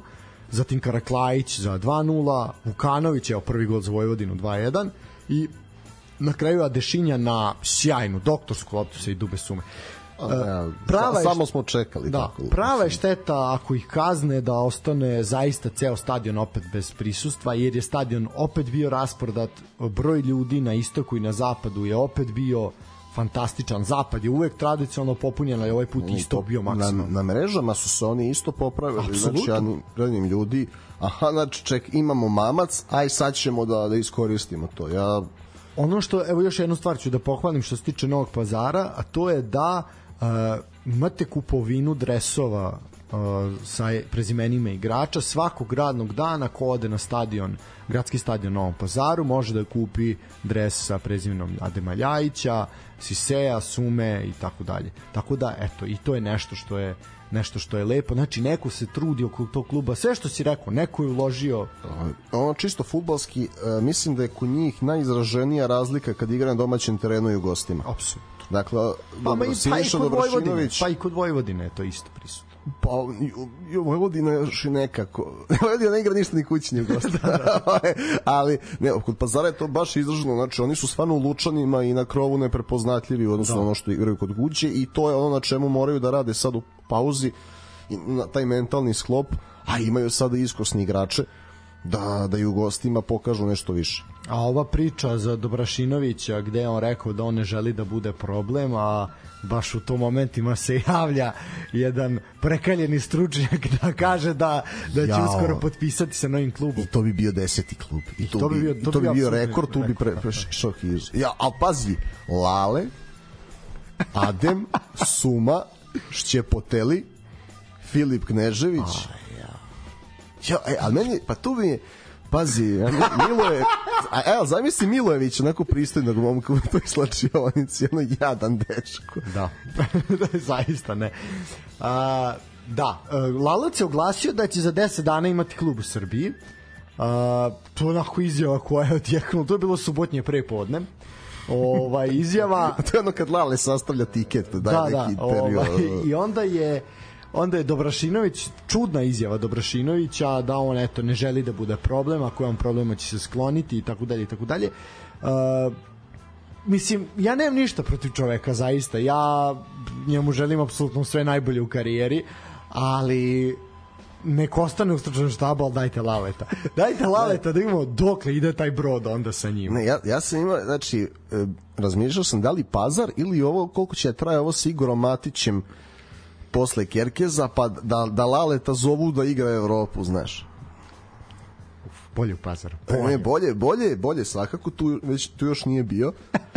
I to, ne, to bi bio marketinški spektakl. To, su, to, to, to, to bi bio spektakl u svakom smislu te reči, ali da. Ne, ali pazi, zamisli Lalata i recimo Jajića i Šćepovića kad im se ne trenira.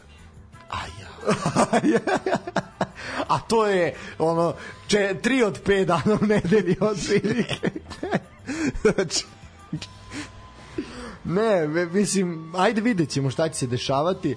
Ne, i da li, sad me zanima da to isto, da li je ovaj Lale se uživa u Tulugu, možda i ode i u Pančevo, što se već pričalo, da. znaš, malo, znaš, jer će već imao dva kluba da uzima kad su polsi na tabeli, pa sad, da li mu je to postao fetiš ili ili ga zanima nešto A, da više. da bude kao Big Sam, da večito spašava, da.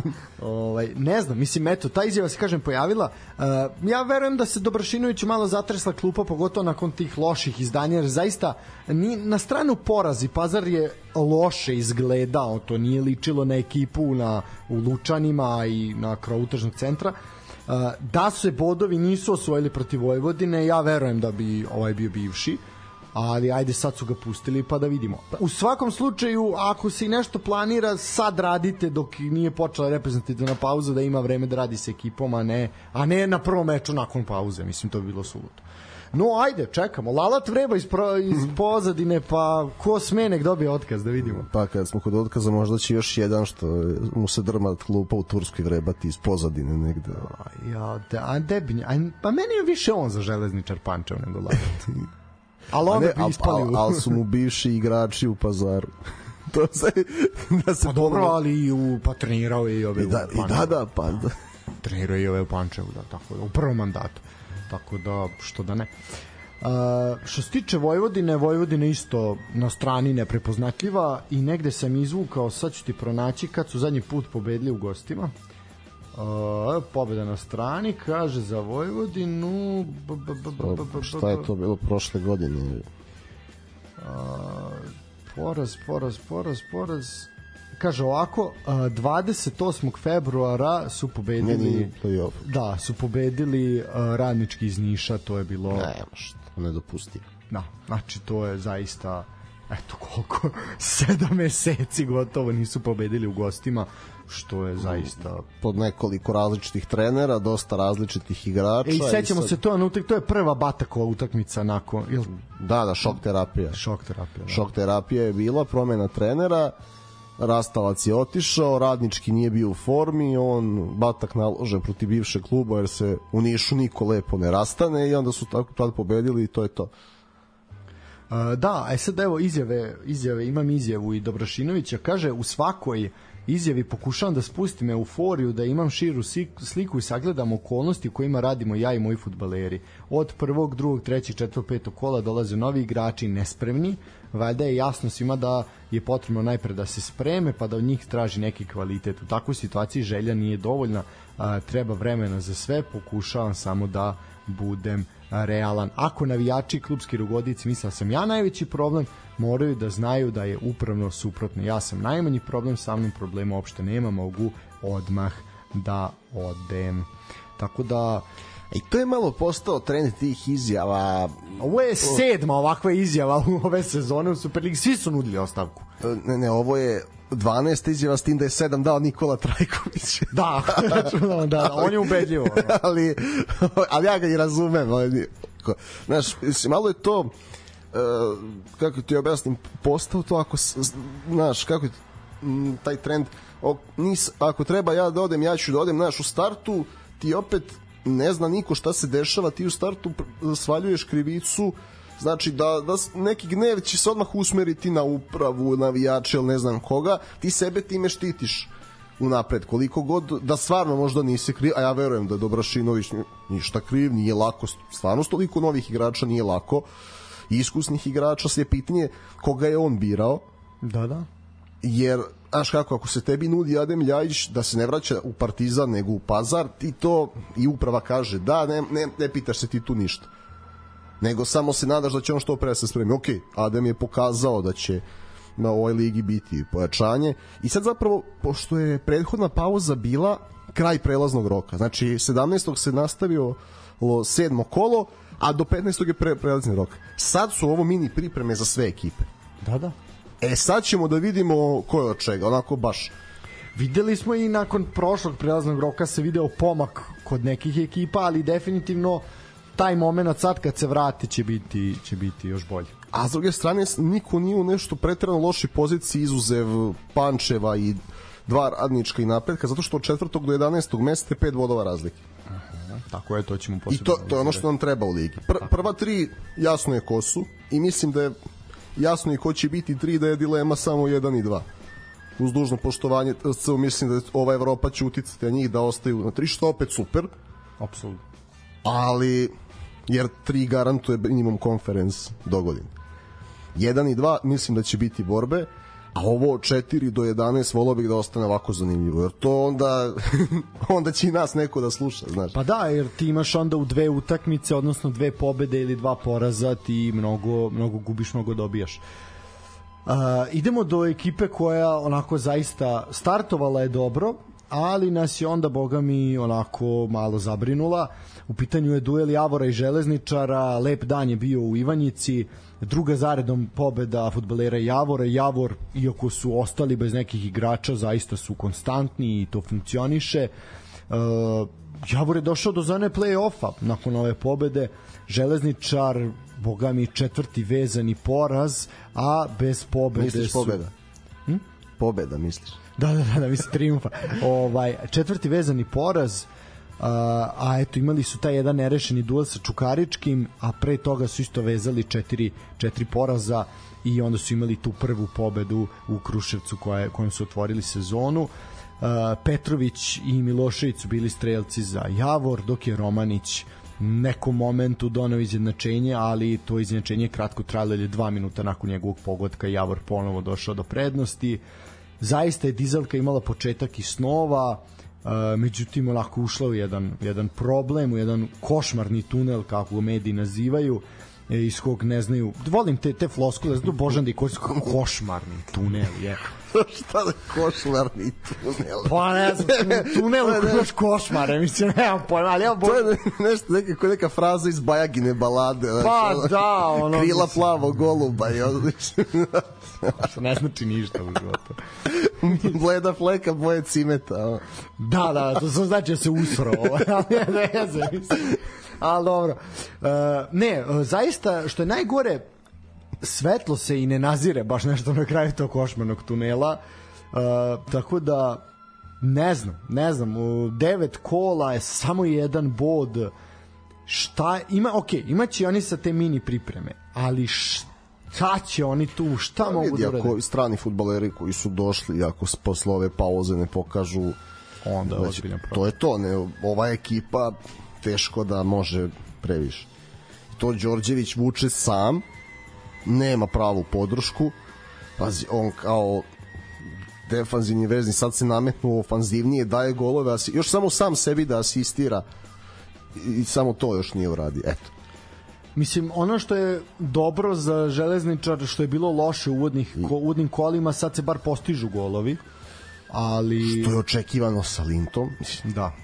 Ali, ali fali im, znači, mislim da da je Grgićev prelazak iz prvoligaškog u superligaški futbal loše prošao. Znači, jer je tamo bio je najbolji igrač prve lige prošle godine, očekivanja su velika, scouting je usmeren na njega i naj, najviše ga protivnici čuvaju, a oni koji imaju malo više prostora ne pokazuju kvalitet. A Što se tiče železničara, naredna dva kola imaju IMT, to je jako bitna utakmica za njih i imaju radnik u Surdulici, Linta se vraća na mesto zločina. Jao, gori. Go, da, tu će biti svega. Uh, definitivno tu su, tu su neke prilike za bodove i jednostavno pro, tu moraju da ih osvajaju ako žele da ostanu u ligi. I ako ih ne osvoje, onda i, i verujem da ide i Linta, a ne znam gde će onda da nađu bodove posle. Jasno.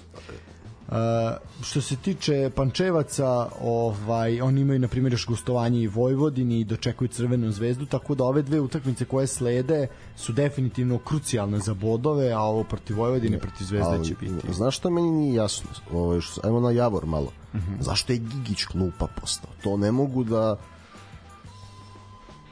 Ali opet oni pobeđuju. Ne, mislim, pa da. ne može, ali mi da. nije zato što da su, tra, da su tražili pojačanje tu gde su imali i dalje imaju odličnog igrača koji, znači imaš pica koji daje golove i razigrava i sad ga guraš na klub. Ne znam šta se desilo to. To mi jer Gigić nije bio u lošoj formi, znaš i sad Ne, kako je otvorio sezonu. vidi zajedno sa tim normalnim Normanom Campbellom je zaista fantastično otvorio sezonu i ja sam se plašio šta će biti nakon odlaska Campbella ovaj ostaje samo Gigić da vuče ok, iskočuje malo tanko sada nije sad su u, a delo je kao da je da je i Gigić možda možda ipak uh, ajde da možda mislim da će to biti prava priča nakon nakon uh, ove pauze da ćemo onda vidjeti šta se šta se dešava pazi može biti samo da jednostavno ono Da, sad opet mu treba malo Ne, ima malo dobio neki udarac, znam da je ovaj muči ima neku lakšu povredu, ajde da vidimo da li je to, al čudno mi je, čudno mi je da ga vezano nema u prvih 11. Da. Ajde da vidimo. Mislim da on je jako bitan bitan momenat za za Javor na udarna igla apsolutno, ali uzimaju se bodovi bez njega i to mi je opet drago da naš nisu ono one man team, ali Nisu, nisu i ne Ćurčić je to nije to sad lepršavo, ne znam koliko za gledanje. toliko koliko može Bo, toliko je. bolje je bolje nego što su neke ranije Ćurčićeve ekipe. A e, spremni su nekako e, Ćurčić je stvarno onako smiren, izbalansiran čovjek i kao da to prenosi na ekipu. Baš su onako kolektiv, da tu nema ni kad se pobedi euforije, nema panike kad se izgubi, nema svađa među igračima. Onako su baš mirna, disciplinovana ekipa koja uvek zna šta hoće, a u većini utakmica su do toga i došli. I tu su gde žele i treba da budu trenutno.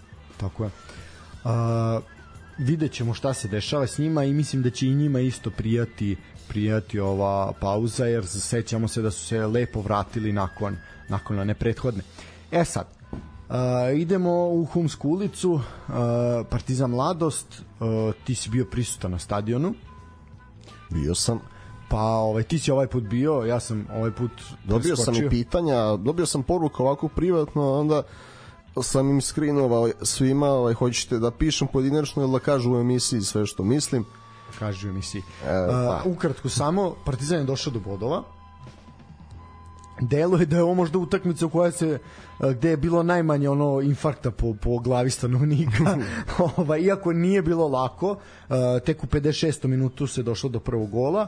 Uh, Zahid je po nekim portalima proglašen za igrača kola.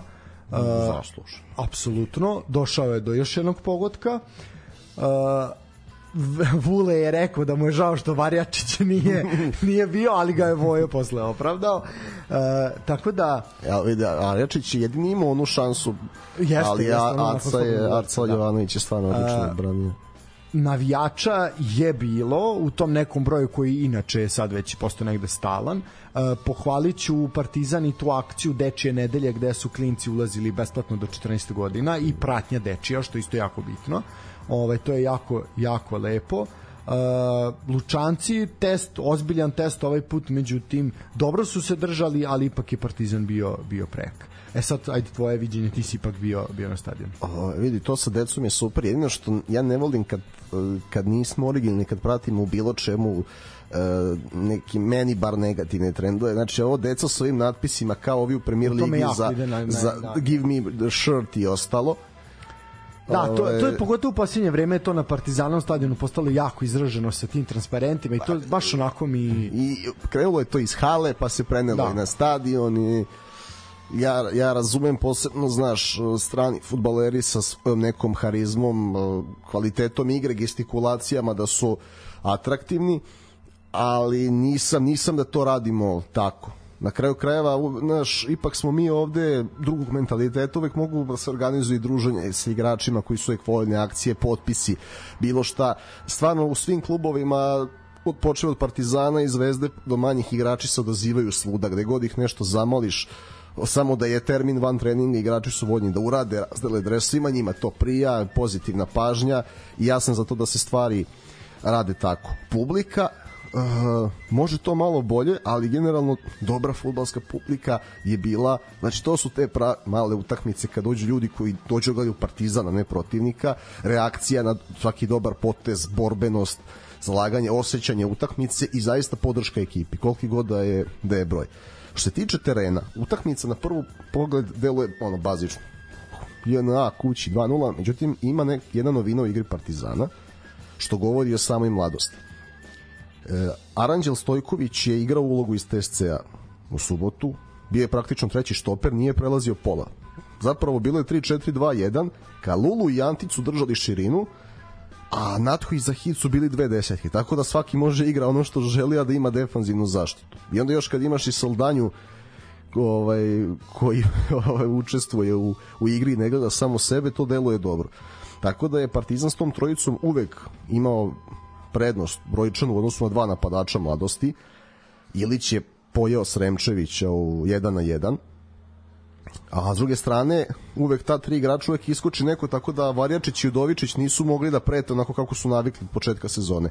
Što je dokaz da ta posebna priprema koju je Odulje odradio, dokaz kvaliteta mladosti, dokaz poštovanja i to mi se sviđa kad Partizan i Zvezda ne ulaze u utakmice, dobro, mi smo jači pa ćemo sve. Ne, moraš da spremiš, da izmeniš nešto. Svako igra fudbal, svako se trudi. Svaka čast Duljaju, svaka čast i Saviću na svemu ove sezone, na to kako su se branili protiv dobro, Partizan uopšte nije igrao loše, iako je bilo prvo polovreme 0-0.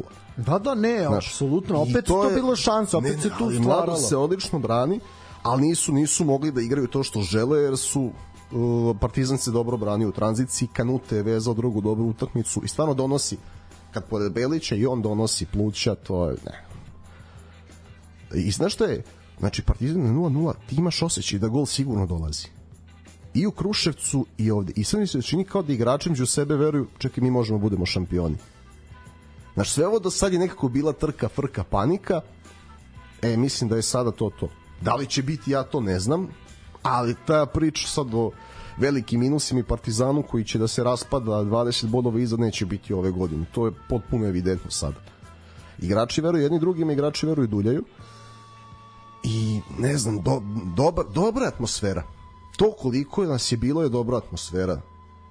To je sve ovaj, ono što, što to prati ovu sezonu. Tako je.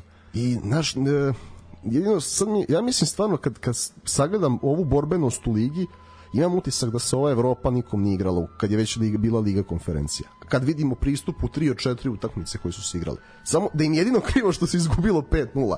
Ali da. ako se u Partizanu posle 5-0 ne smeni trener, znači da, da uopšte nije bio možda ni plan da se to igra, nego da je plan bio od starta ovo. Zahid je majstor i to sad ljudi prave analogije. Podseća na Leonarda, prvo po toj poziciji levo, polu levo, A drugo što je, znaš i je Leonardo došao i kasnije i da je kasnije počeo da igra prvu postavu i svašta nešto, e, zaista uživanje gledati ga, zato što Natho je ipak stariji, on više stvari radi iz mesta, ovaj radi u trku. I onda kad imaš i jednog i drugog i da ovi prate po bokovima, još pazi da tu, da se sad recimo ima Vulićevića i Uroševića umesto Kalulua i Antića. Ja mislim da bi imali obojica ono po gol ili asistent nešto bi nešto bi radio. Tu su falile te bočne lopte da se otvori u prvom poluvremenu. Antić je imao previše prostora, ništa nije iskoristio. Antić je rak rana. Pa ne, poboljši on igru odbrane. Pa jeste. Ali, i, mora, znaš kako moram da pohvalim, a kritikuo sam ga Svetu Marković. Znači sad i on, vidi sa Ilketom su igrao i brani tu tranziciju super. Apsolutno svaki, sve u Kruševcu i, i prekjuče što je mogao, taman kad se protivnik ponada, on je isekao i onda imaš na 1-0 onakva kontra pa ono svi želimo da gledamo našim terenima onaj pas Kanutea gde čovek ti onako ostavi 4 na 4 i špic koji želi da doda. Da. E, to je, ono ne bi bio gol sa Ricardom. Da, tako je, zato što Ricardo spusti pogled i tu se završi svaka priča. Znači, tako da, vidiš, jel moraš da imaš Saldanja je vrlo koristan i kad ne daje gol. Mm. -hmm. Po više osnova. Tako je. Uh, imali smo duel, uh, top 3 asistenta lige su bila prisutna na terenu, znači Natko, Belić i Udovičić, s tim da Natko i Udovičić imaju po četiri asistencije, Belić ima tri. Ovaj, E da, i znaš šta si kad si rekao Belić, i sad se pojavilo članci o Beliću kao prvom asistentu lige počeli su ove da mu računaju ko u fantaziju premier lige asistencije za iznuđen penal. To nije asistencija, Da, da, da. odmah da vam kažem. Dečko ima tri asistencije, što je super, ali nije prvi asistent lige i dalje su to Natko i Udovičić. žare, ali nije, nije mogao, nije mogao prekić. Tek se vratio iz povrede i nisu mogli. Varjačić je imao tu jednu šansu, ali Pa, definitivno, mislim, mladost je bila dobra, ali jednostavno Ne, mladost bi uzela bod sigurno protiv slabijeg rivala. Apsolutno. A znaš šta ja isto mislim? Da Partizan igra Evropu, mislim da bi mladost ovde bliža bila bodu nego sad. Jer ipak previše je to vremena da se ekipa pripremi za utakmicu. Takva ekipa s takvim pojedincima, takav kolektiv, To je- prejaki E, su za jednu utakmicu nedelje. Partizan je tu ostavio dozu enigme sa 100 lica ove godine, ali jasno šta mu je primarni cilj. Da, da jednostavno proraditi ta sujeta što si završio četvrti i kažeš sad ću ja sve da, da stavim na, na ovo. Da, a, I to je, znaš kako, to može i treba dulje da dovodi igraču igrave ekipu, pa da igra ozbiljnije takmične dogodine i da vidimo od čega je zaista i on kao trener, a i ovi igrači. A zaista mislim da su dobri igrači jedva čekam da vidim, evo najavio je da će igrati prijateljski tokom pauze da Demedina igra. Ja jedva čekam da vidim u našoj ligi, u bilo kojoj ekipi, pa i u Partizanu štopera koji ima onakav izbor dodavanja. Znači ono samo, evo, pogledaj mu highlighte, verujem. Prvo da vidim kako se brani, da li su ta dodavanja sve što zna, ali sve jedno uživanje gledati kad, kad defanzivac toliko voli da igra pod pritiskom. Da. Uh, ajde samo još kratko. Uh, Igor Dulja je gostovao na K1 televiziji, bio je gost kod uh, po, u, in, u emisiji Indirektno, to je emis, nova emisija koja se pojavila, danas je treća epizoda, negde će za par minuta početi. Uh, epizode imaju na YouTube-u. Uh, to je jedan od momaka koji radi tu emisiju je naš drugar Đorđe Gvero, kog ovog puta pozdravljamo. pozdravljamo. Uh, voditelji su Pop sa TD i Radija i Milan Kalinić i oni su ugostili Igora Duljaja. Uh, Igor Dulja je bio gost, imate epizoda sat vremena traje uh, i ima na YouTube-u, ja preporučujem da pogleda svako, gde je Igor Duljaj, ja mislim, pa prvi posle ja ne znam koliko godina da je neko, ako ne i ikada od kad se igra liga u samostalnoj državi, da je neko tako otvoreno pričao o svemu, da je rekao šta kako se radi, šta ne valja, od toga, od najnižih onih sfera, dece, dečih futbala, roditelja, kako je opljuno po roditeljima. da, ali, ali sve što je on rekao, to je istina. Što Ne, i, e, malo, i kad se budemo pitali samo gde su i zašto ne igraju neka deca i zašto e, zašto su te treće, četvrte, pete lige pune pune kvalitetnih igrača zato što zbog nečije dece ti momci nisu mogli da dođu i da se probiju. I ta priča o platama da koliko manje od 2% ovaj fudbalera završi sa jel svi koji počnu se bave fudbalom završe sa ugovorima da mogu da žive od fudbala. To je uh, jedna jako jako dobra priča da malo vidite u kakvim uslovima se radi. Malo malo onako sa druge strane nešto što nećete naći ni u jednom portalu, ni u jednim novinama, zaista, zaista, i sam Dulja je rekao, ako mi sad neko nastavi bombu pod auto, nikad neće, ovaj, ali vidi i naj, meni najbolje ono kad je rekao za roditelje kaže ja ne znam kad ti ljudi rade pošto su i na prepodnevnom i popodnevnom treningu i ja sam vodio razgovor zašto pričam sad o ome, zašto uh, spominjem, bez obzira, zaista treba poslušati kad smo na ima, i malo je čak i sat vremena za to što Malo je, malo je, malo su kal, moram kritikovati mnogo iskusnije ove Kalinića i Popovića koji su sekli previše. Kalinić najviše sekao. Trebali su ga pustiti malo, malo još da priča, ali, a, dobro. a, a to ti je sad ona varijanta ono što, što je nama jedan čovek sa RTS-a govorio seci kad vidiš da se ne uklapa u tajming emisije. Znaš, to ti je živi TV Da, format. jasno. Ali definitivno, ali zato treba Igora Dulja dovesti u podcast i dati mu 3 sata i izvolite. I ono, ne, znaš zašto mi se sviđa iskreno? Igor Duljaj je bio i suviše dobar igrač koji je dobio malo medijske pažnje tokom karijere. I da ne bi one Zidanove izjave, karijera bi prošla veoma tiho za sve urađene. Zaista volim što je u centru pažnje sada. A pokazuje da je jedan onako pametan, smiren i razbori čovek koji ima šta da kaže. Apsolutno. A, nego što se tiče ove priče o deci, zašto sam ovo spomenuo? A, u moru svega rečenog od toga kako se dovode igrači, sve, sve, sve, sve. A, ta priča meni za decu je nekako najviše onako odstajala da ozvanja u glavi.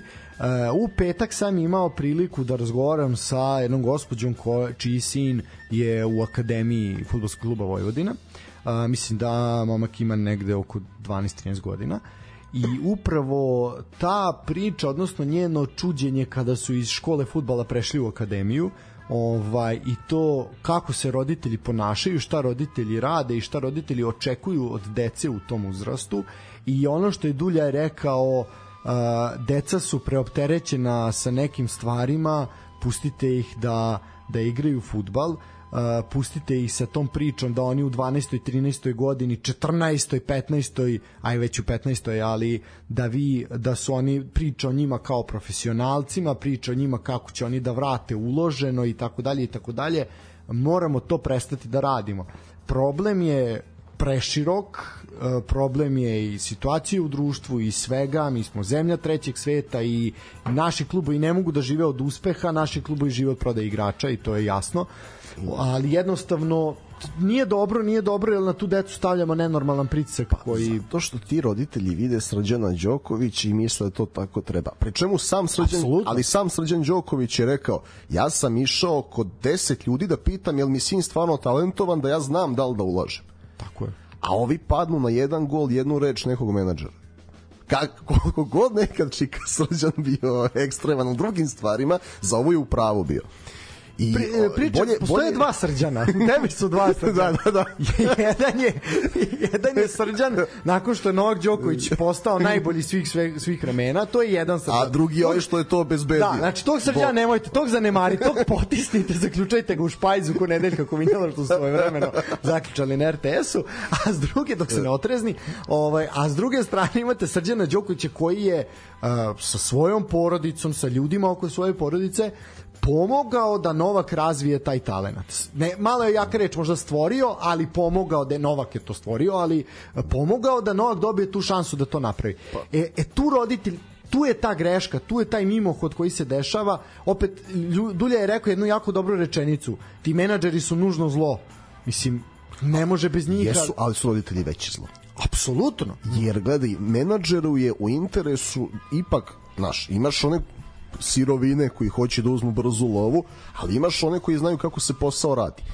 I njemu je u interesu da ti igraš tamo gde treba da igraš, da igraš dobro, da kasnije provizije budu sve veće i veće. Tako da menadžer može da povuče dobar potez, ali ro roditelji, znači bolje vrabac u ruci i to je to to ja ne, ja sam to upravo toj gospođi pokušao da objasnim. Znači e, šta se dešava? U porodici koja sastavlja kraj s krajem koja u tog gleda u tom momku gleda izlazi svega i svih problema ovaj neko dođe i jednostavno pljusne vam na sto neku desetinu hiljada eura, dobro je ako bude i toliko, bude i manje, dobro bude i više, jednostavno pokloni vam e, hemijsku, blok, trenerku kluba i to roditelji budu kupljeni jer vide izlazak iz bede i situacije u kojoj živimo.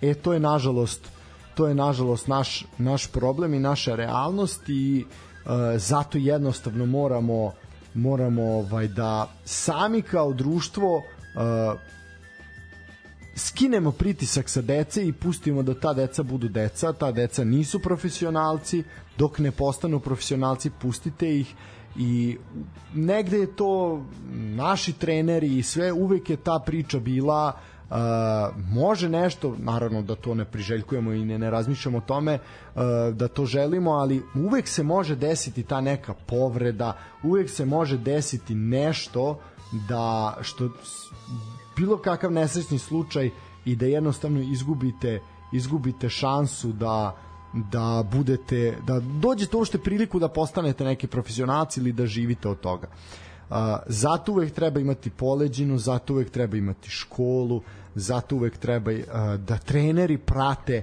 kako se dete razvija i u školi. Znači to je sve negde neophodno. Uh, problem jeste u tome što deca su preopterećena sa treninzima i jednostavno škola je teško izvodiva, ali vi ako imate dva do tri, dva puta dva puta dnevno treninge, to je jako, jako teško izvesti. E sad, da li, nešto, nešto se mora ukombinovati, ali jednostavno mora se napriti sistem jer ovo, ovo jako nije ovo nije dobro, mislim, i to, to se već i vidi polako, a tek će doći to na naplatu. Tek će doći. Znaš šta, znaš šta je tu? Ja bih još rekao jednu stvar. Svi smo mi nešto nekad trenirali.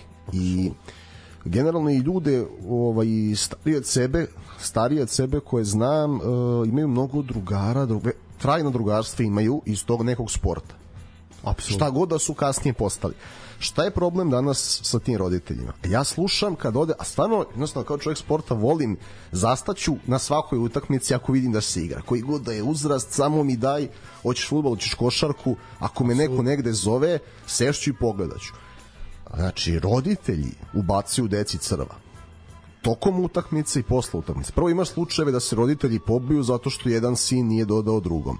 Pa onda posle utakmice ide mali onako s opremom umoran znoja, samo čeka što kaže Igor Duljej da pogleda crtan i da legne, a tata mu kaže Ma, ti si najbolji nego ovaj neće ti doda, trener te nije stavio ja sam, ti treba da igraš špica trener te stavio na zadnjeg veznog sranga bilo a taj trener se za to školovao, ja ne znam da li je u pravu, ali je u pravu pre roditelja, sigurno, razumeš? I e, toga je koliko hoćeš. Ti ne možeš da zamisliš šta je to. Samo do, evo da dođemo na sajmište, da odemo kad je tamo turnir neki.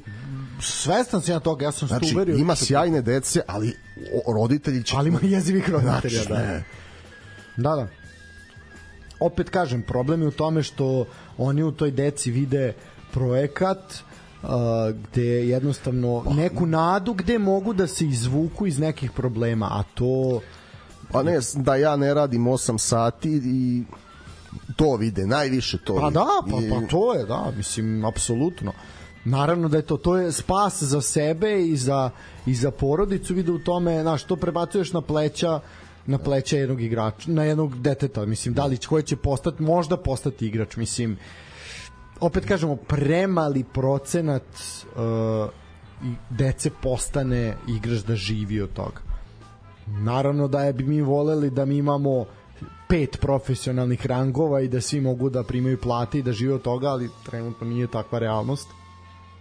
Jednostavno, pustite decu da budu deca, deca treba da se razvijaju uh, sociološki, deca treba da se druže, deca treba da uh, razvijaju tu kolektivnu svest. Uh, problem je što uh, ok, mi smo generacija koja jesmo. Mi smo svoju kolektivnu svest uh, negde stvorili kroz delimično kroz taj sport i kroz timske sportove. Uh, problem je što se više deca ne druže nakon, ne, ne putuju zajedno, naš dolaze odvojeno. I veliki broj no, novih i individualnih sportova, nije to samo, sad imaš 170 ovih borilačkih veština i disciplina. A, ako izuzmemo to, ako imaš onda... da, timske sportove, znači pa tu si onda... razvio taj neki taj neki socijalni moment, znači ponašanje u kolektivu, razmišljanje u kolektivu, to je nešto što nam je jako bitno sa osjećajno za druge. Ono što je Dule Vojošić rekao milion puta i milion puta su svi citirali, da kada neko pogreši da se ti ne ostrviš na njega nego da ti daš, na, daš i više od sebe da bi pokrio njegovu grešku pa će on tebe pokriti sledeći put.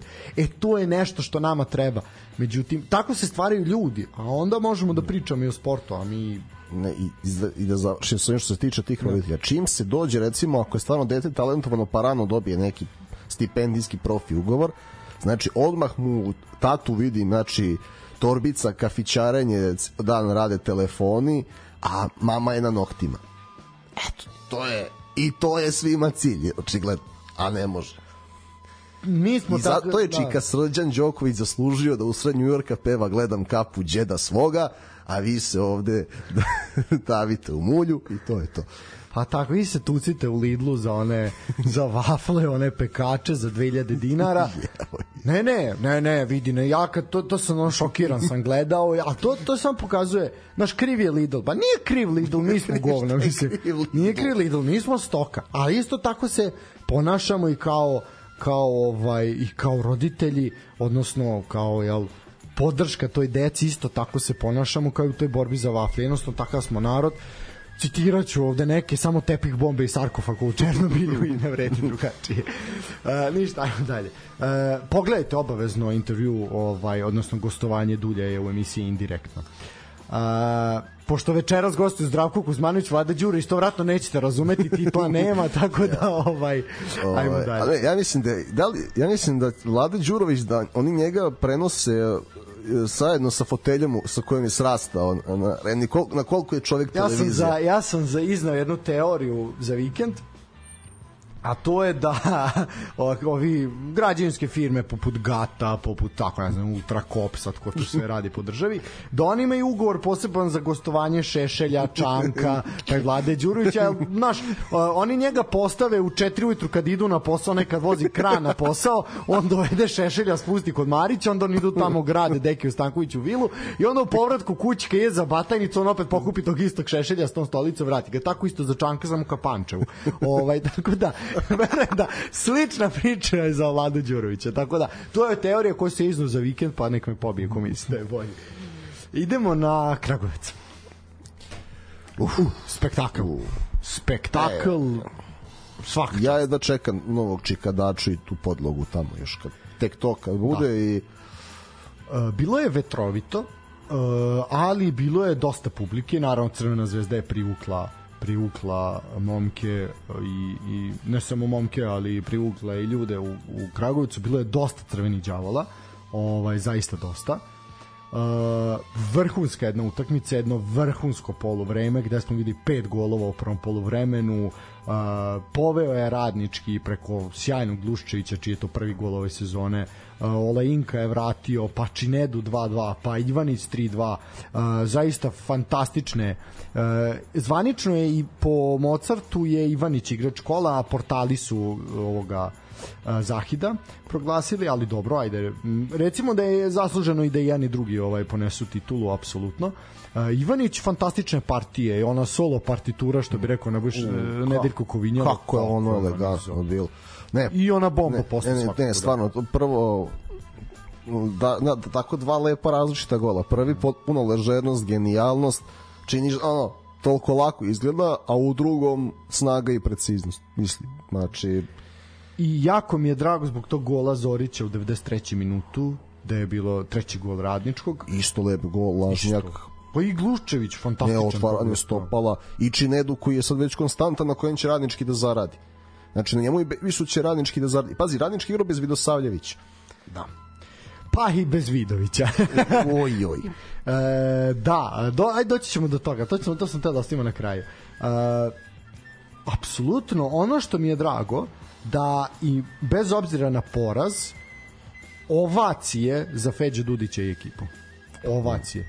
Jer ovo je ono što smo ti i ja priželjkivali od Feđe Dudića i ja verujem, pričam za sebe, a znam da i sa svoje strane tako, onog momenta kad sam vidio da je potpisao, samo je bilo daj mu prvu pobedu, ono da krene sa pobedom i onda će taj teret da spadne sa njega i onda ćemo vidjeti ovo. Ovo je radnički prelepo, Po- prelepo. Ne, pokazuje da se ne plaši nikog, ko što nije ni sa Veležom se plašio Aeka.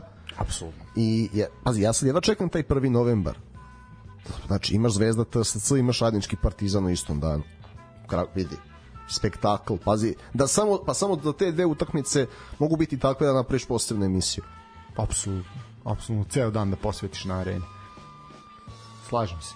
Uh, Kragujevac fantastičan. Mislim, bilo je momenata prethodnih godina da je Kragujevac znao i da uzme bod zvezdi i svašta je tu nešto bilo, ali ovako, da ovako igraju, da se ovako nadigravaju, to ipak nije. Pazi, Radnički je, čim je ušao u viši rang uzeo bodove, ono, Darko Spalević i, i ekipa. A, uzeo bodove prošle godine. Jeste, 1-1 je bilo da dok Nije- Milojević bio. Tako je, bilo je već rešeno pitanje šampiona, ali nije imalo lak teren za igranje, pa znamo da je Partizan jedva pobedio u, u Kragujevcu, u, ono, iz prekida slučajno. Tako da i biće, biće i sada teško. To će, to će biti nedelja odluke da li je Partizan kandidat za titulu ne. Sreda Kragujevac, nedelja Pazar. E, to ako odradite, onda možemo da pričamo o nečemu. A, bitno je da je Zvezda pobedila nakon onih kikseva protiv uh, Ali, vidi, Voždovca i Čukaričkog, ali ovo nije bilo dobro, ovo je daleko od dobrog. Ovo je Ovo- individualni kvalitet. Jest. I stvarno, ne, sad vidimo zašto je Milojević teo Linku još u januaru, da je to do... da ljudi misle da je Bahar doveo Linku, ne, Milojević ga je doveo kao slobodnog igrača kojem ističe ugovor. Um, oni Miće Ivanicu to reš, rešili, ali ovo, pazi, Zvezda četiri gostovanja, nijedno bez primljenog gola. To, ajde začunaj kad je bilo poslednji put. Znači, ukupno od 10 primljenih golova. Pazi, sad su Zvezda, kako je Partizan krenuo, a Zvezda i Partizan imaju isti broj primljenih golova sad, po 10. TSC i dalje ispod na 9 i naravno radnih sudulica sa 7, ono neprikosnoveni. Ali od tih 10, 9 je primljeno u gostima, a na stadionu Rajko Mitić je samo Novi Pazar dao gol. Da. Znači, to govori u, u nekom samopouzdanju van tog stadiona. A i protivnici su namirisali krv. Znaš, jer sad, znaš, pre je bilo, ovi uzimaju bodove, ok, ovo gubimo, pa šta uradimo u međusobnim duelima za neku poziciju. A sad, znaš, iz kola u kolo, kako je krenulo, sad svi, sad svi vide da su ranjivi, i još taj specifičan način branjenja kod Bahara i svi vide neki svoj prostor u tranziciji, imaju samopouzdanja. Pazi kako je Gluščević pogodio iz prvog Da, šuta. da, da, da. To nije pre bilo, znaš, te, te lopte su pre išle pored gola, znaš, um, znaš, to ti je mentalno, znači sam kad igraš i na terminu protiv jače ekipe neke, pa ono, aha ne, sad ćemo imati manje šansi i onda kad prilaziš golu, ti ono, ako ga sad ne dam, da li ću dobiti drugu šansu? A Ovo nije taj, ekipe su mnogo opuštenije protiv Zvezde i to smo videli na krovu. Na... Pa pazi, dugo se nije desilo da ti ono što smo pričali u otvaranju sezone da imaš uh, u tri kola dva, ki, dva kiksa, mislim dva poraza, ni to kiksa, ali dva poraza ovaj što je u nekim ligama sasvim normalno, ali kod nas je ono haleva kometa. Ovaj da se Zvezdi desi Čukarički i Voždovac u, u tri kola i onda naravno da svi pošto ne bi mogli mi. Videli su recept po I, kom i, može. paz, I Pazar i Radnički Niš su bili blizu boda Tako je. u gostima. Uh, Dudić je prezadovoljan i on je i sam rekao da ovakav radnički želi i da uh, je presudio uh, svakako zvezdin individualni kvalitet, što jeste tako. Ono što je kaže Iz, nastavi, nastavi, izvini. ono što je zanimljivo jeste da se uh, u svojstvu predstavnika ekipe Crvene zvezde oglasio Boris Savić, a ne a ne Bark Bahar. On je dao izjavu za uh, onako jednu, pa punu floskula, u suštini ništa pametno nije rekao, on je dao izjavu za u ime Crvene zvezde. Uh, što se tiče E, Savić ono što je zanimljivo rekao je da je i sam da su naglasili da su obratili pažnju da se zaista vidi energija koju je doneo doneo Feđa Dudić jer ta energija je njega krasila i u Veležu i u Sarajevu Uh, definitivno vidjet ćemo koliko god da smo mi prošle godine hvalili radnički sa Joksimovićem i zaista smo imali šta da hvalimo. To je te, takti, tehničko taktički bilo perfektno jača ekipa nego ove sezone uh, ali definitivno ovakvu jurišnu ekipu nismo imali i to je ono što malo drugačiji će biti radnički biće, ali pa manje domina radnički sa Joksimovićem je kao i Lazetić Lazetićev metalac, pa kasnije to sad Da. teži dominaciji loptom, Feđa teži dominaciji prostorom. I nekako mi se čini kao da je ima ona rečenica Irgena Klopa kad je igrao s Realom dok je vodio Dortmund i kaže ono kada uzmemo loptu prvi pas unapred nema veze nek pogrešiti Ta, tako mi liči kod da je Feđa to rekao protiv Zvezde pa šta se uradi tako da je, biće pazi dati zvezdi dati zvezdi tri komada nije malo ali pazi sad to ispada i protiv Voždovca su primili tri komada i sad su primili tri komada na što je Banovo brdo 2 gde mogu i pazi sad je tu pitanje ovaj da se da se derbi igrao to je najteže gostovanje sa Saldanjom za Hidom. Ovaj idi uh, dobro je za Zvezdu što se derbi nije igrao tada to je e, potpuno jasno sada evidentno a s druge strane je više pripreme za Partizan za njihovu defanzivu Tako, Tako da ja mislim da je mo, baš je mogu biti vatromet golova što neutralni Nismo dugo videli, da, stalno slušaš posle derbija ono kao kako je to nekad bilo i kad će biti golova, a sad mislim da dok dođe decembar da će, da će opet biti derbi 0 do 2. Pa da, a moglo je biti svega.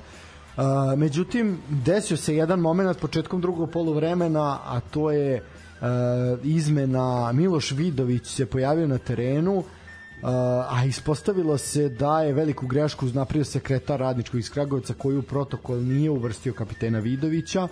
Uh, Nikut nije ni primetio da je čovjek seo na klupu na početku meča. Uh, Feđa Dudić ga je poslao na teren na startu drugog poluvremena. Tada su reagovali sa klupe Crvene zvezde, skrenuli pažnju na ovu grešku. Simović ga je ljubazno zamolio da napusti teren. Ušao je drugi igrač. Kako su ovi to tako primetili? To mi... Uh, da, malo je to čudno, da. Mislim, prvo neshvatljivo mi je da... Sek... ne shvatio, je prvo sekretar. Prvo je to, prvo mi je to neshvatljivo šta se desilo od, u, zap, uzima, u upravljanju zapisnika. Drugo, kako možeš, ako ti je Vidović kapiten, znači kapiten se mora naglasiti. Kako to da ga niko nije, znači da niko nije proverio pa mi nemamo kapitena u, u zapisniku. Nešto mi tu jako mi je ovo čudna situacija. Mislim, dešavalo se. Nije da se nije dešavalo, dešavalo se. Pa dešavalo se ono sa Sveto Markovićem. S kim je ono bilo? Isto je nešto bilo Pa ne u protokolu, da, nije bio to protokolu, da, dok je Stanović bio trener, mislim, bilo je svega.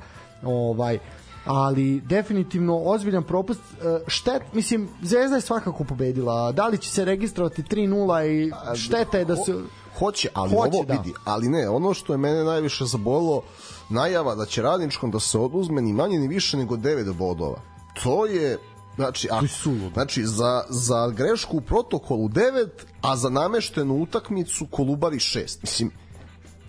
I to ne ne jednu nego dve nameštene utakmice da Ne, ne, ne, ono, Dobro, za, ne, de, devet je bilo za dve, pazi. Znači za dve nameštene utakmice i za grešku u protokolu po isti devet broj bodova. pa, to je to je zaista ne mislim da mislim da to ne bi trebali da rade da, okej nek službeni rezultat, šta je najgore što će se desi, obrisaće se golovi. Golovi, da. ovaj, u statistici ti igrači znaju da su ih postigli mislim i potvrdili svoju dobru formu i Pa znaš šta, Feđa u, radi u, ispred ovoj, u ovoj situaciji ja bih, ja bih kaznio samo novčano, ovaj mi Pa, svakako ja bih. da da je bila da da je Crvena zvezda prosula bodove onda ok, onda ih re, re, registruju sa 3:0 ovako Crvena zvezda je pobedila svakako nisu oštećeni što se tiče rezultata pritom čovjek je proveo 5 sekundi nije ni 5 sekundi proveo na terenu znači on nije igrao 90 minuta ovaj mislim da koji se genije u Zvezdi bavi time da to uvodi za, za Da. pola minuta, baš malako, ali dobro.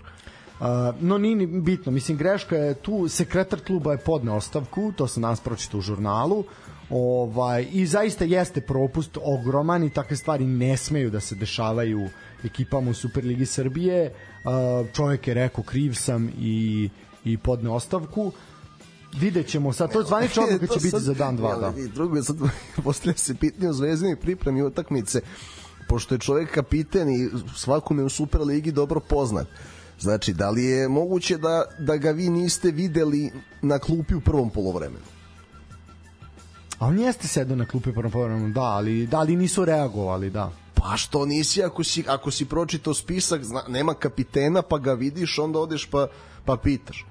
Na, na, to se mogu, pazi, na zagrevanju, ako ga, ga vidiš. Pa kažeš, pa, fe, pa ga Feđa pošalje u slačionicu ili to, i ne znam sad kako je po pravilu, kad, dokle to može da se koriguje, taj protokol i ostalo.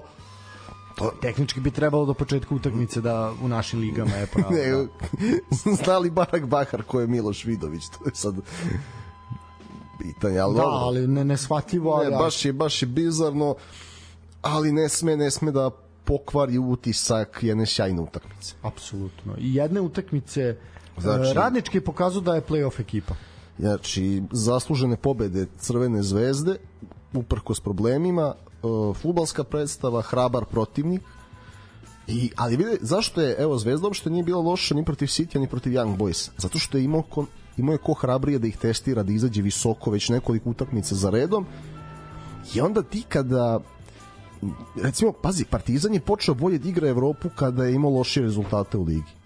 Jer je više ekipa iz tog nekog gneva možda i prema Partizanu, prema onoj dominaciji, nekoj šest titula, iz te želje su ekipe više igrale, onda je Partizan znao koje su mu mane, pa je u Evropu ulazio bolje, spremnije. Znaš, jer ti kad ti završiš utakmicu 3 60 minut i ne oznojiš se pola sata, nema tu, nema tu leba, nema tu lige, nema tu ničega. Tako je, tako je. I to nam se obijalo u glavu više. Možda će, Zvezda može da bude e, druga na polusezoni, treća, a da prezimi u, u Evropi, na primjer. Da. A opet mislim da je bolje da prezimiš kao treću ligi šampiona, što niko u Srbiji nije uradio još uvek, nego da li ćeš da budeš jesenji prvak.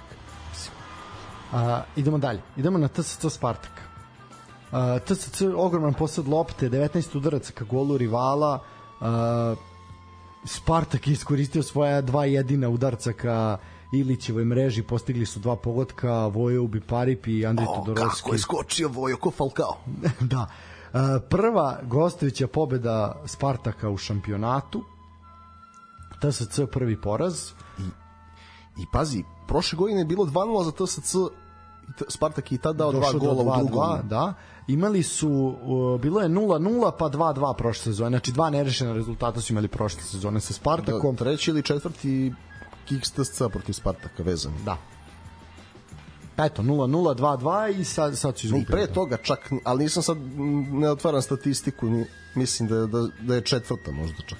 Uh, sve u svemu ne leži im, ne leži im Vojvođanski Spartak. derbi je Da, Vojvođanski derbi se, ovo je, ovo je dobio je naziv derbi Severa Bački, tako je dobio zvaničan naziv. Jer kao vojvođanski derbi je i dalje Spartak Vojvodina. O, dobro. Tako da derbi Severa Bačke, ovaj ipak ipak Spartak je bolji.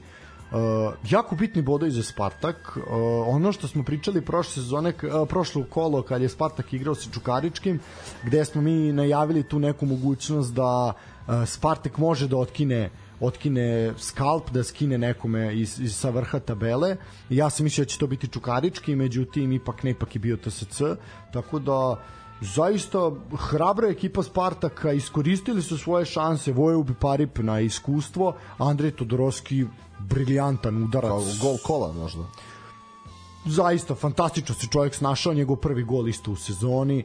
Uh, vrhunska vrhunska partija uh, jeste TSC bio bolji pazi 19 udaraca ka golu i delovalo je da će biti ali da će možda čak ponovo doći neko preokret ali vidi, sr, srljali su atipično Lazetićevim ekipama. malo malo je sad ta Evropa došla na naplatu da. I Evropa i ta želja da se ostane u ko, preterana želja da se ostane u korak sa Partizanom i Zvezdom. Što mislim da na nivou 37 kola nije baš realno.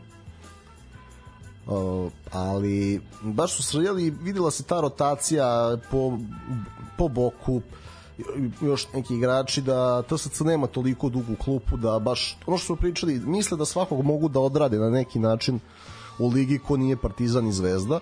Možda su onako narasli su tako brzo kao klub da i oni čak blago podcenjivački možda ulaze sad u neke utakmice. Što ni Partizan i Zvezda ne smiju sebi da dozvola to sad je decenijama daleko od toga treći vezani kiks ja upravo gledam znači bilo je Treći. 0-0 pa 2-2 i sad su izgubili 2-0 pre toga su znači 19. februara 2022. je TSC u Topoli dobio Spartak 2-1 i, i drugi vezani kiks evo ove, ove sezone, znači prvo Lučani sad ovo, prvi na domaćem terenu i prvi poraz znači sad je samo Partizan ostao neporažen tim tako je tako je kažem, mislim da oni moraju, oni moraju ako ne već u januaru za sledeće leto i sledeću evropsku sezonu moraju naći rešenja po boku zato što gledaj, imaš uh, Cvetkovića i Petrovića koji kojima moraš da očistiš stranu, ne mogu jedan jedan da stvore ništa. S druge strane imaš kad se Ćirković izlači, on je slabiji sa defanzivom i nekim donošenjem odluka trećini. Pantović više voli da deluje centralno i nemaš ti, znači sa boka, baš onako im treba neko jedan na jedan, ne znam koga bih ovako tu izdvojio da pa recimo ono kad se izvuče Milutin Vidosavljević pa krene da igra onako svoje Čolović, znaš, jedan tip tog igrača, da li će da igra krilnog beka, da li neko krilo se izlači, ali njima to fali. Fali im neko jak jedan na jedan, jer ako Đakovac ne iznese loptu 25 metara, oni to nemaju. Da. Lazetić je dao zanimljivu izjavu nakon meča, ovaj, on kaže da je očekivano ovo što se desilo, kaže nisu bili dovoljno oštri, teško je bilo protiv niske zone Spartaka, šestorice igrača nisu u ritmu, došlo u naplatu to što su odlagane utakmice, pauza od 12 dana i nakon toga tri utakmice u 7 dana. Spremali smo se za ovako nešto, nije, lopš, nije lopta išla kako treba, bila je teška, spori šutevi, kaže ostavio je na poluvremenu iste igrače misleći da se, da će se adaptirati međutim oni se nisu adaptirali uh, spominje taj problem odloženih utakmica Uh, o, tu je u pravu. Tu je u pravu. Nadovezat ćemo se na narednu utakmicu. Marko Savić iz Voždovca je uh, isto bio ogorčen zbog toga uh, zbog odloženih utakmica i rekao je da to isto nema smisla i tako dalje. Baš je opleo po, opleo po svemu, uh, svemu tome, ali negde, negde sad, mislim da i klubovi znaju da, da je, mislim klubovi, klubovi sem Crvene zvezde shvataju koliki je to zapravo za njih problem, a Zvezda je to onako malo ne, radi se, evo vidiš, pomenula si dva trenera mlađe generacije koji se ipak i dva kluba koje se mnogo sistematičnije bave nekim stvarima, periodizacijom i ako Savić i Lazetić kažu istu stvar, stvarno nemam nameru da protivračim, mogu samo da se složim u pravu su i a, svašta nama nešto stiže na naplatu. Znaš, da. Evo, Savić je rekao ovako, kaže, ne smatram da su obaveze na evrosceni hendikep za naše timove, već to može samo da bude vrhunska priprema za duele u ligi. Nije mi jasno zašto se u teknicu prvenstva odlažu. Tako je.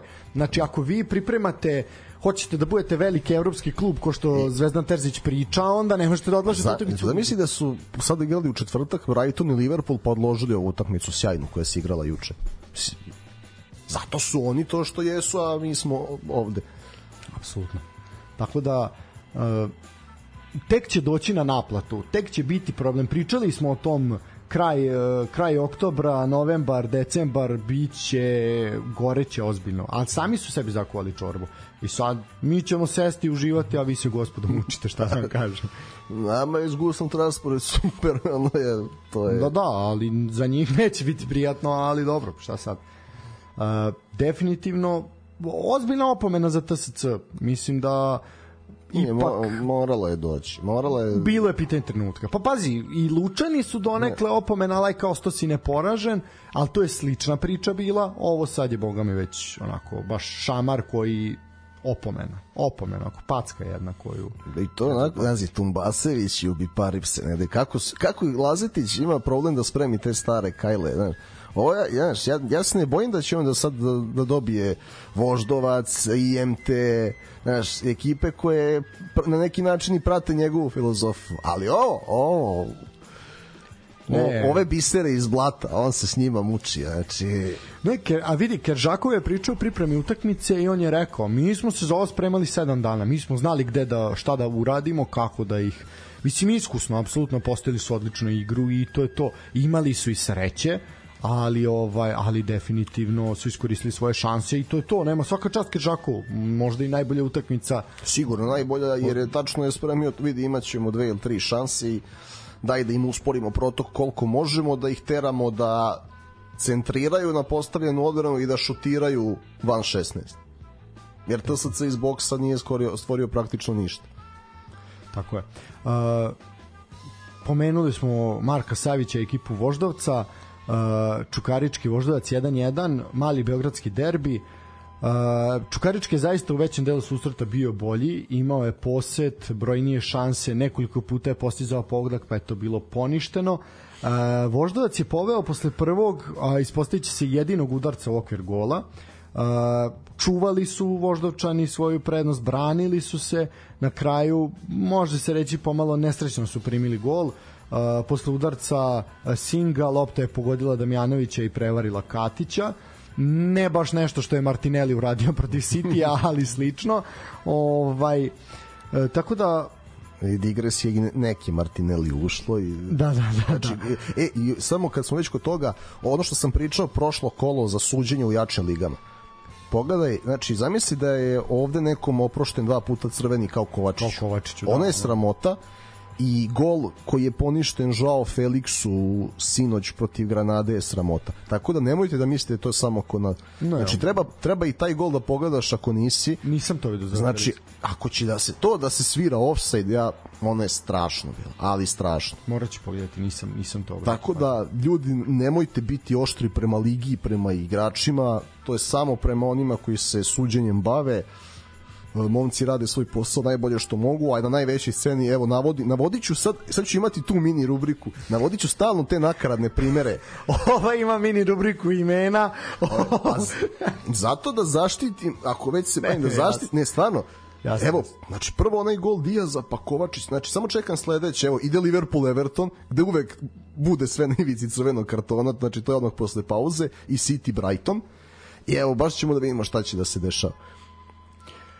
Što se tiče Čuki i Voždovca, ono što ću ja još reći da su Voždovčani igrali u roze garnituri dresova. Tako je. Pošto je oktobar mesec posvećen borbi protiv raka dojke uh, svuda u svetu, a Voždovac je poznat kao neko ko kao u našoj ovde sportskom auditorijumu ovaj skreće pažnju na takve stvari i zaista je to uh, zaista je to lepo i tako treba uh, svaka čast na ponovo ponovo celom celom menadžmentu kluba fudbalskog kluba Voždovac.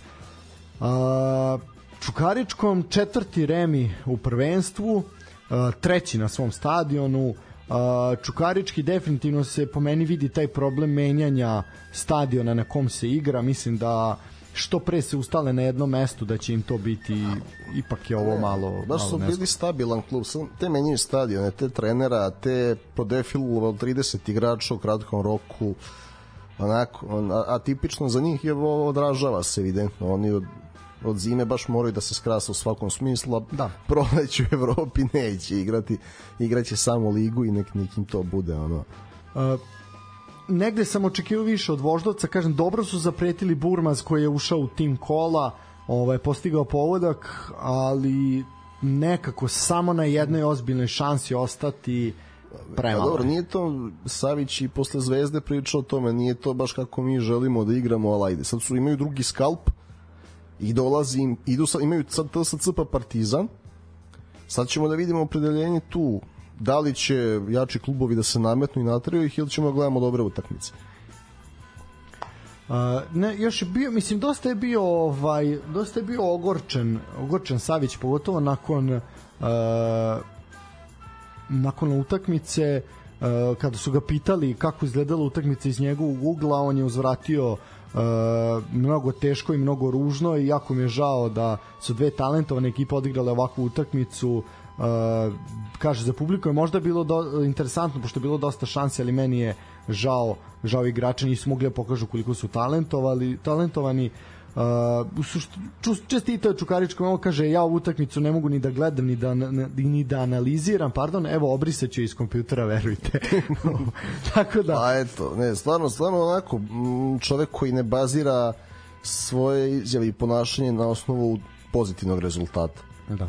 to stvarno izjave i posle utakmice sa Zvezdom i posle ove za desetku baš. Uh, sve u svemu mislim da pa, jesu zadovoljni bodom, ali mislim da i oni znaju da su mogli da su mogli da moraju više. U krajnjoj liniji sledi njima kao i svima ta pauza, ovaj gde ja verujem da će oni opet izaći i biti u tom naletu kao što su bili nakon nakon prethodne jer znam oni oni su među klubima koji ozbiljno rade i ozbiljno koriste to vreme koje im se koje im se da a to vreme će prijeti Čukaričkom jer ipak Čukarički nije Nije, vjeruj mi da je njima najpotrebnije od svih 16 Apsolutno, klubova. apsolutno. Bez ikakve dileme. jer da- oni nisu navikli, oni nemaju daha da igraju na dva fronta, a uskoro će biti i tri fronta. Jer u sredu imamo žreb za 16. finala Kupa Srbije, datumi odigravanja, pitaj Boga, vidjet ćemo. Mislim, postoje načelna, ali ne, neću ništa pričam dok ne vidimo šta i kako. To ćemo sledeći nego baviti, Pa- baviti time, da. Pa da, tamo da, da idemo žeb, ne moramo ni da tipujemo, zato što tek za dve nedelje. Da, nećemo tipovati, ja ću samo pročitati tabelu. Ovaj to ćemo uraditi, prokomentarisat ćemo tabelu. A, šta ti želja od gore, od dole? Pa od gore. Od gore ćemo ići, dobro. A, Partizan je prvi, Partizan je prvi sa utakmicom manje, jel tu smo već rekli tu utakmicu sa radničkim iz Kragujevca će odigrati protiv radničkog 1. novembra, a, to je dogovoreni termin. E, pazi sad, eto, što se tiče te utakmice, kukali smo na to zašto je to odloženo, nije trebalo vamo tamo, ali kakav spektakl ćemo sad imati, ono što smo rekli Feđa Dudić sad, to, to će biti sad ozbiljno, ozbiljno zanimljiva utakmica. Uh, 8-1 Partizan ima skor, 22 postignuta gola, samo 10 primljenih, 25 bodova, 4 više od drugoplasirane Crvene zvezde koja ima utakmicu manje, uh, to je utakmica protiv TSC. Zvezda nešto više dati golova, 26 uh, uz 10 primljenih, Zvezda ima 7 pobjeda i 2 poraza Zvezda Zvezda uz Spartak i Kragujevac jedina utakmica nema remi nema ne može da. pa nema nemaju kočnicu kad gube. Da da. Nemaju znači, remi. to ono kad ti ne ide uzmi bar bod. Zvezda nije taj tim. 21 bod treća je Topola sa takođe 9 Uh, sa takođe 9 odigranih utakmica 6-2, 1 je skor Topola ima drugu najbolju odbranu u ligi samo 9 primljenih golova, 19 golova su dali 20 bodova. Uh, Čuka takođe ima utakmicu manje oni su šareni 4-4-1 ovaj, baš, baš onako zanimljivo 16 bodova. Pe, na petom mestu je Voždovac koji ok, ima utakmicu više od Čukaričuga ali 16 bodova. Znači tu su sad vrhunski, odlično. Za dobar start, mislim da se nisu nadali ovome. Uh, pazi sad to ona razlika ne, nismo se mi nadali. oni, mi, oni jesu oni jesu. možda da, ali mi se nismo ja se iskreno nisam nadao. Nije.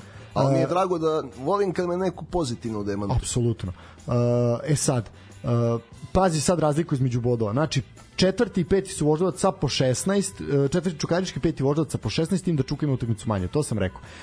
Lučani su šesti sa 15, Spartak je sedmi sa 15, osmi je Javor sa 14, Vojvodina deveta sa 14, znači pazite, to je sve u dva boda. Znači, ozbiljna razlika od petog mesta do devetog. 10 je Pazar sa 13 bodova, znači to je samo bod manje. IMT ima 11 bodova na 11. poziciji. Uh, duel ovih dole koji se bore za opstanak trenutno je raspred sledeći Surdulica 12 sa 9 bodova Surdulica samo jedna pobeda uz 6 remija i 3 e, tri ovaj poraza, samo 6 dati golova i samo 7 primljenih. E, Niš 8 bodova na 13. poziciji, 14. napredak sa 8 bodova takođe. Kragujevac za sada 6 bodova, vidjet ćemo da li će im oduzivati bodove ili ne, ako im oduzmu bodove odeše u minus, što onda dodatno komplikuje situaciju.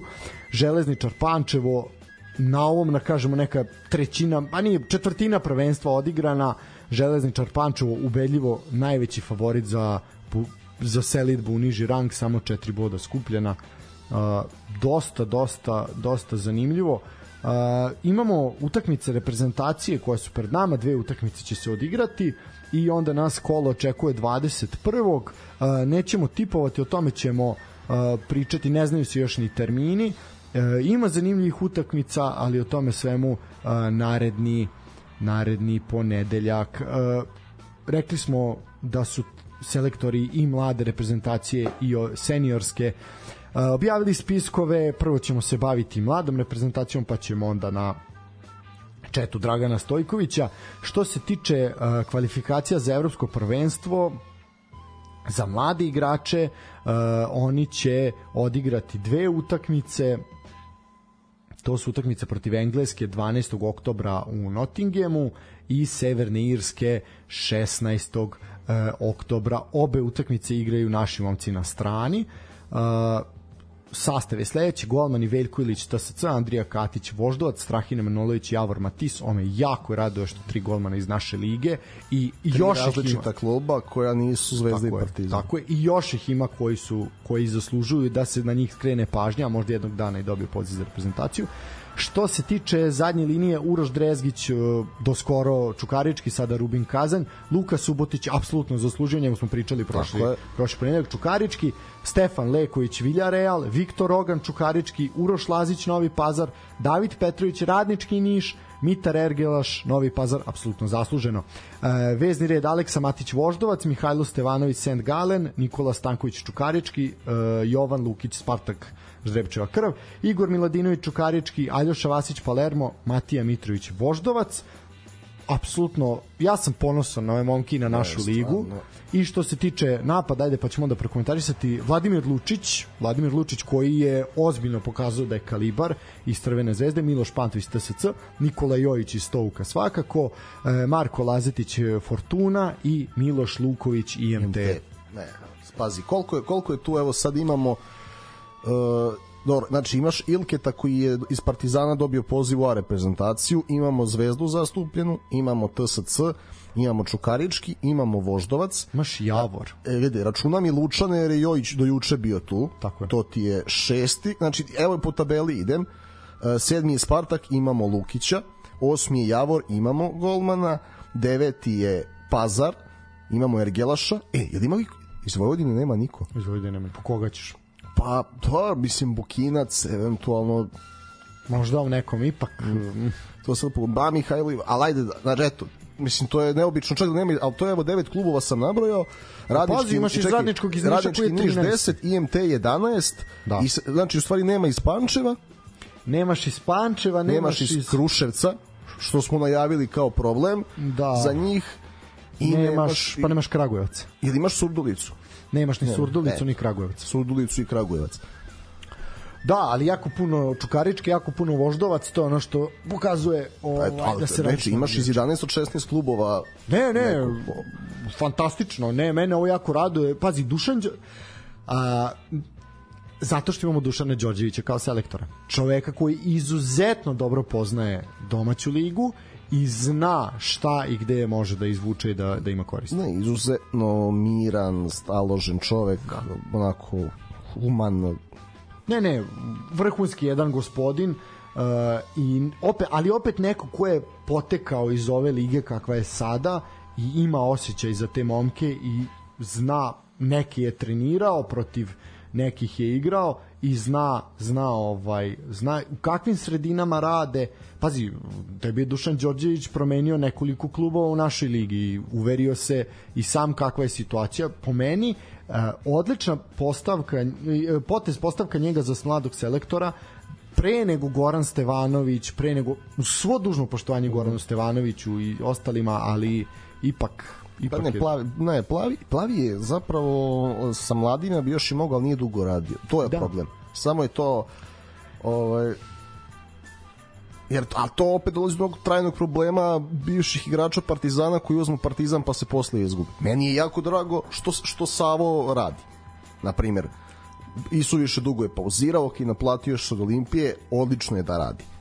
I ako se snađe u jednoj specifičnoj atmosferi kakva je Bosna, onda daj... Može šta hoće. Pa ne, ajde onda, znači kada selektor Stojković odluči da je dosta, eto ti još jedne opcije, još jedan veliki futbaler. Jer znamo mi da on zna futbal, ali znaš, to sad ima nekih stvari i privatno i u ponašanju i taj diskontinuitet rada. E, tako da mene sve ovo što smo rekli raduje, ali pazi, posebno ova šarolikost piska i računaj, pazi, e, da, će, da je Ivanović opcija, ako nastavi ovako, imaš Kabića koji ne igra, a treba da bude tu. E, imaš još neke, ima, pazi, Baždar, pazi, Baždar nije na spisku, znaš, to govori, e, a o, i o njemu i njegovom malo ponašanju. E, Janko Jevremović, kad, znači, nabrajam ozbiljna imena koje još mogu biti opcije Da. iz jačih klubova. Tako da Dule je radio po zasluzi i po formi. A svi koje si pročitao, sva imena imaju odlične sezone. Apsolutno, o svima smo Pazi, pričali. i u, M, u MT-u ima još nekoliko opcija pored Lukovića.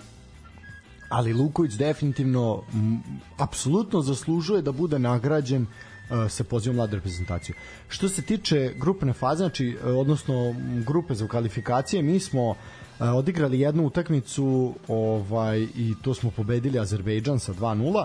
Uh, imamo u grupi smo sa Engleskom, Ukrajinom, Luksemburgom, Severnom Irskom i Azerbejdžanom s tim da uh, znači šest u grupi, jedan se kvalifikuje direktno, jed, a onda oni najbolje plasirani drugi timovi, ali definitivno ajde da vidimo protiv Engleza gde smo i šta smo i šta možemo da uradimo. Vidi, Englezi su počeli poslednjih par godina ovo kako su dobri treneri došli u ligu od negde 2016.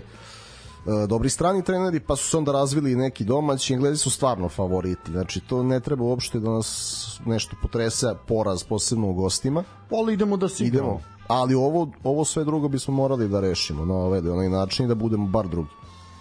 Uh, da, e sad uh, možemo na uh, to ćemo svakako te utakmice ćemo komentarisati al narednog ponedeljka. Rekao sam 12. i uh, 14. ako ne verujem. Ne, 12. i 16. 12 i 16 e sad, što malo- se tiče a, što se tiče seniora. Ne može senior da ne bude cirkus. Uh, seniori igraju samo da vidim datum, nemam vremena, imam datume. Uh, znači u Budimpešti 14. Pa oktobra. 20-45. je. Ja, su obe? A, ne, u Budimpešti sigurno. Da. Znači, pa nemam za Crnu Goru još A mislim da zvanično. i ona uveče. Ne, ona, ona je uveče, znam zašto, zato što je naš verni slušalac mi rekao da hoće taj, da spoji Euroligu sa reprezentacijom. Aha. Partizan igra pre reprezentacije tog dana i to je to. Uh, Budimpešta 14. oktobar Mađarska Srbija, a u Beogradu 17. oktobra uh, Srbija Crna Gora. Uh, pa ono što je dobro reći za je navijače Crne Gore to je da je semestar počeo i da ovaj svakako ćete svakako ćete biti Imaće brojniju publiku. Pa da, ovaj tako da e, što se tiče što se tiče spiska a golmani Vanja Milinković Savić, Predrag Rajković, zatim Đorđe Petrović i Boris Radunović. Uh, zadnja linija Nikola Milenković, Strahinja Eraković, Nemanja Gudelj, Miloš Veljković, Strahinja Pavlović, Srđan Babić, Mihajlo Ilić, Aleksa Terzić. E, tu su i Mihajlo Ristić, pa zatim već vezni red Nemanja Radonjić, Andrija Živković, Nemanja Maksimović, Ivan Ilić, Filip Kostić, Filip Mladenović, Saša Lukić, Stefan Mitrović, Dušan Tadić, Lazar Samarđić, uh, Sergij Milinković Savić, Filip Đuričić, Mijat Gaćinović, Aleksandar Mitrović i Petar Ratkov. Iako je inicijalno na spisku bio Dušan Vlahović, uh, danas se pojavila ta informacija da Vlahović ipak neće biti Neće, sa neće, reprezentacijom. nije igrao ni za Juventus, gradski derbi, nije igrao u Bergamu na gostovanju. A, da. Kaže mi ta izjava Pixija ne treba, ne, neću dizel, hoću kerozin i ovaj Mi- mislim da je slušao neke novije pesme ovaj tako da, da ti klinci imaju te dizel, kerozin i ostalo slušam. Aha, vidi ovako, ipak, e, evo sad je vest e, na Mozartu, vidim dvojica mladića, e, Mihajlo Ilić i Stefan Mitrović ipak neće konkurisati za sastav A reprezentacije, nego će, nego će se priključiti Orlićima. Što je možda i, i bolje, bolje da bude. A, no, za, sad, to je pitanje šta je o, a reprezentacija je vrsna nagrada sad kako je, kako, sad je pitanje kako ti to njima saopštiš Da. i ko, ko su potrebni. A inače kad smo kod Orlića, evo ti Stefan, Stefan Leković dao gol za Villarreal B protiv Espanjola. To je to. To je to. A, da, ajde ovo Pixija i ovu izjavu kerozin i, i neću manekene, hoću futbalere, hoću borce, ratnike. A, e, znaš, ne znam, kažem ti, mislim da sluša novokomponovanu muziku i pre je pričao Aleksandri Prijavić, aj, koja puni arene, bože. To, Ali, to, četiri arene zaredom vidi. Aj, ali ovo, a ne znam ni on više šta da kaže suština je to i on je sam svestan da nije valjalo i da sad mora ovaj da odigra bolje, Mađarska je legitiman protivnik i ako to dobije atmosfera se kompletno menja. Mene više zanima šta je mislio oko Vlahovića pošto bilo je prethodnih okupljanja nekih da Vlahović podigra poslednju utakmicu, nešto izađe zbog neke povrede pa propusti reprezentaciju, ali sad ne igra za klub i Pix je to onako malo kao više ne znam nija šta je s tim povredama. Da, rekao je, čudno mi je, da. Mislim, ja stvarno mislim prvo prvi prelazak Juventusa ne u premier ligu je njega ovaj, skroz usporio, unazadio. Ja sam se ponadao ono kad je bila priča o Trumpi za Lukaku i Chelsea da, da će da igra tamo zato što u Chelsea je Nikola Jackson i broja gde je on o, bolji igrač od, kad se spoje karakteristike ove dvojice ne mogu da mu ove, što kažu skute ne, nisu da mu ljube, ali eto, mislim da on mora da pobegne iz tog Juventusa kako bi reprezentacija profitirala. Ali, mislim, i, ali liči sad da postoji već nešto između njega i Pixija što ne valja. Jer s Mitrom ne, nikad nema nikakav problem, a po ovim izjavama dele da njih dvojica su imali, ono malo su sporečkali. Što se tiče naše reprezentacije, ona je druga na tabeli, ima uh, 10 bodova, koliko ima prvo plasira Mađarska, s tim da Mađarska ima utakmicu manje. Uh, treća je Crna Gora sa 8 bodova koju smo mi nesrećno vratili ovaj tim remijem u Bugarskoj i a, porazom protiv Mađara smo vratili Crnu Goru u igru. A, Bugari i Litvanci sa po dva boda oni su daleko ovaj od bilo čega. A, definitivno utakmice gde moramo da pogotovo protiv Crne Gore ključna gde Ma ne ih hoćemo. Ma, ne, Pa dobro, ne, ja stvarno, poznavajući nas. Ne, ne, mislim da nije to ovaj put. Niti, ali vidi, i to smo, i, i to smo mi. Vidjet ćemo da će se pravni fakultet radovati. No, vidi, i da je neki drugi mentalitet, a pošto i to naš mentalitet, ta Crna Gora, znaš, oni sećam se kad su kad su oni imali šansu jedne godine sa Česima su igrali, svi su se nešto ponavljali, ma kako. E, tako da, da je neki drugi protivnik, ovako nemam trunku sumnje da će, da će Crna Gora da se pobedi, a mislim da ni u Budimpešti neće da se izgubi. To je ovako... Ovaj, Pa realno sa, sa četiri boda iz te dve utakmice, to je to. Ne, ne, znaš zašto? Zato što igraće se samo s Mitrom u špicu, bit će izbalansirana ekipa i neće biti ovih eksperimenata herojskih stiju napad, dva špica i dva krila i dve desetke, a tamo ti Strahinja Pavloviću krpi šta možeš. Ne, biće biće to dobro i kažem ti minimum miksa možda i pobeda u već u Mađarskoj. A, ono što treba reći da je nakon uh, te dve utakmice imamo onda uh, u novembru imamo prijateljsku protiv, protiv Belgije 15. novembra i onda 19. se zatvaraju evropske kvalifikacije protiv Bugara ovaj Mladen Krstajić dolazi da nas Bog, Bog da otprati na evropsko prvenstvo da je taj, taj Montevideo opet ovaj, se tu prelama. obe utakmice u 15 do 9 evo obe ne, ne, ali stvarno e, šta ti je ovaj, znači sad imaš ono Bugare da nas ispraćaju ku filmu i na svetskom što si igrao prvo s Brazilom vidi Da, sreće pa idemo na evropsko gde Brazil ponovo ne može da nas dočeka treći put. E, tako da, eto, e, u suštini bitno je da se uzmu bodovi, ovo su dve prelomne utakmice, da ne dočekamo da protiv Mladena Krstajića ovaj, ganjamo plasman evropskog prvenstva, ajde da to rešimo i da konačno posle 23 godine se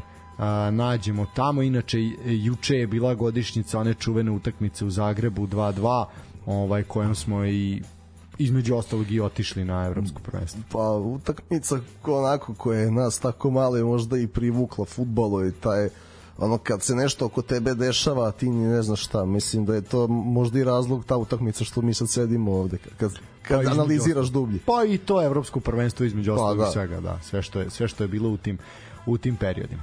A, dobro, u suštini to je to. A, još jednu stvar koju ću ja napomenuti, pa ćemo sa njom završiti, to je a, moment a, odbojkaša, odbojkaške reprezentacije Srbije. U, to nisam baš očekivao u toj meri Pa mislim da niko nije očekivao a ove vezane poraze na kraju da uh, Japan, Amerika, Ne, sve po 3:0, Slovenija, znaš. sve po 3-0 uh, i sam Kolaković je rekao jedno duga, duga i teška sezona ovaj ali zaista mislim nije kraj mi imamo šanse još uvek da Tako se plasiramo Lige nacija i ali boga mi da je ovo neko očekivo ne još smo mi ovde kao ma mi ćemo to lako to će biti lako Ne, znao sam da nećemo lako i znalo se da je Uroš rovit i da nema lisinca zbog i povrede operacije, ali opet imamo mi kvalitete, a baš nisam očekivao.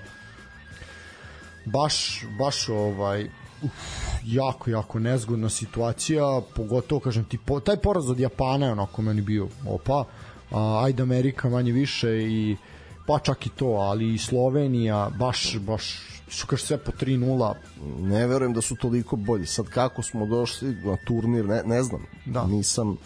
Mislim, termini su bili takvi da stvarno je bilo nezgodno da i to ne, ispratimo. ne, ne, prvo sve su utakmice igrale sve mislim osim Japana su se igrale u 6 ujutru Pa Ovaj, Japan je petak radni dan u Da, podne, mislim. kako? Da, naravno. Uh, tako da ajde postoji šansa sreće naša da se Brazil plasirao i da se tu ne moramo da brinemo zbog te rasporeda na toj rang listi tako da postoji ovaj realna je šansa da mi budemo jer oni prvi ispod nas su Nemci na rang listi koji su se već plasirali, oni već imaju obezbeđenu vizu, tako da bi ta Pa, trebala biti znači, naša. jedan afrički mora To je Egipat, da. zbog pa tako je zbog jel tog ključa kontinenata i ima još četiri mesta Japan je već obezbedio kao azijski predstavnik tako da ne moramo da gledamo tu Iran šta se dešava i onda ostaje kažem ti to da da odigramo jednu korektnu ligu nacija i da se da se plasira Tako je. Uh, imali smo i rukometni večiti derbi, Par- Partizan je savladao Crvenu zvezdu rezultatom 31-27, uh, utakmica koja je zaista pokazala da Partizan uh, bez obzira što je mlad, bez obzira što je ovaj nekako i deficitaran ponovo je sa igračima ponovo je pokazao da ima ozbiljnog mladog golmana ponovo je pokazao da su Uroš Kojadinović sa 12 pogodaka, zatim Šotić sa 6 golova. Jednostavno Crvena zvezda nije mogla da sačuva njih dvojicu istovremeno. Ako igraju flaster na jednog, onda drugi odskoči. Šotiću toliko malo treba u našoj ligi prostora da napravi napravi haos kao i Kojadinoviću. Uh, Peštić je bio sa 7 golova isto isto tu tako da uh, zaista zaista jedna odlična odlična predstava Partizana, bilo je dosta navijača ovaj u hali prisutno, Crvena zvezda se borila, ali jednostavno više nije nije mogla. E, Vojvodina i Metaloplastika su i dalje u, u, na čelu tabele sa po 5-0, obe ekipe su upisale pobedu i ovim kolima, ali eto derbi je bio nešto na što se posebno skrenula pažnja. Uh, mislim da je to to. Eto, ono što je, ajde, ostavio sam ovo za kraj, a to je poziv, da prokomentarišemo poziv Partizana da Makabi nastavi svoje takmičenje u Srbiji. Mislim da je to sasvim okej. Ovo je Jeste, ljudski ljudski, da. Mislim, Ostoji Milić možemo svašta da zameramo i svašta zameramo, ali ovaj poziv da Makabi ovde bude... Mislim, Makabi igrao ABA ligu u dva navrata, je tako? Dva ili tri? Dva navrata. ja dva navrata Dva navrata su 2003 druga, treća i 11. 12. Tako je. Uh, tako da zašto da ne, da apsolutno ono što je i baš, naš, baš taj moment da to radi Partizan koji je isto tako za vreme uh, rata i sankcija utočište naša u drugoj zemlji mislim da je to negde onako stvarno, stvarno je ljudski. Mislim, šta god da radi, samo nek ne bude one dra i teatralnosti, ja sam ovo, ja sam ono, ja sam izmislio košarku u prislonici. Ali, ovaj, razumeš, sve, sve kad je ovako i bez velike pompe je super, tako da, eto Partizan pozvao Makabi u Srbiju ne, stvarno sjajan potez. Da, uh, Partizan je odigrao tu utakmicu u Tel Avivu, brzo nakon toga je nastao haos u Izraelu. Uh, baš onako i eto imali smo imamo ljude iz Izraela u našoj ligi i pričao i Bahar o sve u situaciji pričao i i Natho i sam Natho je rekao da nije nije mogao da slavi posle gola jer jednostavno bio uopšte u stanju šoka je odigrao utakmicu Bahar je nosio crnu traku oko ruke Pa Du- isto I Dulja je rekao da je rekao, "Nat, ako ne želiš da igraš, ne moraš. Što je isto ljudski. apsolutno. Uh, tako da i baš taj taj fenomen uh, Bibra uh, Natha kao čoveka koji je uh, musliman a u- uz Izrael je i uopšte ono sve sav taj momenat da eto kao ipak ipak ta religija i sve to nije nešto što treba da nas deli već treba da nas da nas spaja uh, jezive scene u Izraelu i naši ljudi naši sportisti beže uh, dosta ljudi se javilo ovaj koji su što što fudbalera, košarkaša, što stranaca koji su igrali u Srbiji, Holand Da. se javio i tako dalje. Da, i dosta ih je evakuisano u. Grčku. Pobegli su slično ono što se dešavalo dešavalo i u Ukrajini kad je počelo a, tako da nažalost uh, sport pada u neku neku sasvim šestu sad šestu sferu interesovanja, a eto, mi zaista isto se pridružujemo tim. Ja bih voleo da Makabi igra u Srbiji, zašto da ne? Ovo to bi nešto bilo bilo bilo ja, jako. ja bih volio ne stvarno da- znači da zbog toga jedan zaista dobar tim predvođen Boldvinom i Brownom zanimljiv za gledanje da. za neutralne ljubitelje košarke sjajan e, znači brza košarka atraktivna mnogo ovaj napada kratkih poseda tranzicije s čega god hoćeš da ga ne gledam u Euroligi zbog slobodno ću reći gluposti hira Apsolutno. tako da dobrodošli ste i to je to nema šta Apsolutno, u krajnjoj liniji ako je arena zauzeta imate onakvu halu Milenijum u Vršcu koja stoji malte ne prazna, pa eto možete je možete je popuniti. I pionir i halu sport. I pionir halu sporta, tako je. Uh, ništa, to bi bilo to za večeras. Uh, imamo još nešto kažemo, nema ništa. Poslušajte našeg vernog slušalca, sad upalite Let 76 i posle Željka Pantića i to je to. To je to, da. A odloženom gledanju na YouTube-u pogledajte emisiju indirektno sa Kuzmanovićem i sa Đurovićem, ali opet kažem, a samo ako su Kalinić i, i Pop pripremili titulu, van toga vam neće trebati baš, nećete moći baš Kuzmanovića da razumete, ali dobro. Uh, šalimo se naravno, uživajte. Što bi rekao Nikola Đigić Kuzma kad je došao, to je show bio. show bio. Da, momak koji zna da primi šalu. Ja, morate znati da primite šalu. E, et, et ti ideje za džingl. Da, to je, pa to sam ja negde isekao, pripremio, samo što ni, nije, nije ovaj, Čekamo kontekst. Čekamo kontekst da da bude. Uh, ljudi, to je to, odmarajte, uživajte, uh, čujemo se narednog ponedeljka, Vuleti nam ozdravi. Samo još da kažem, podržite naš rad preko Patreona i Paypala, sportski pozdrav i e, dinarskog računa, sve imate na našim na našim stranicama, društvenim mrežama, tako da podržite naš rad da možemo brže, jače i bolje u naredne epizode. Uživajte ljudi, lako noć. Lako noć.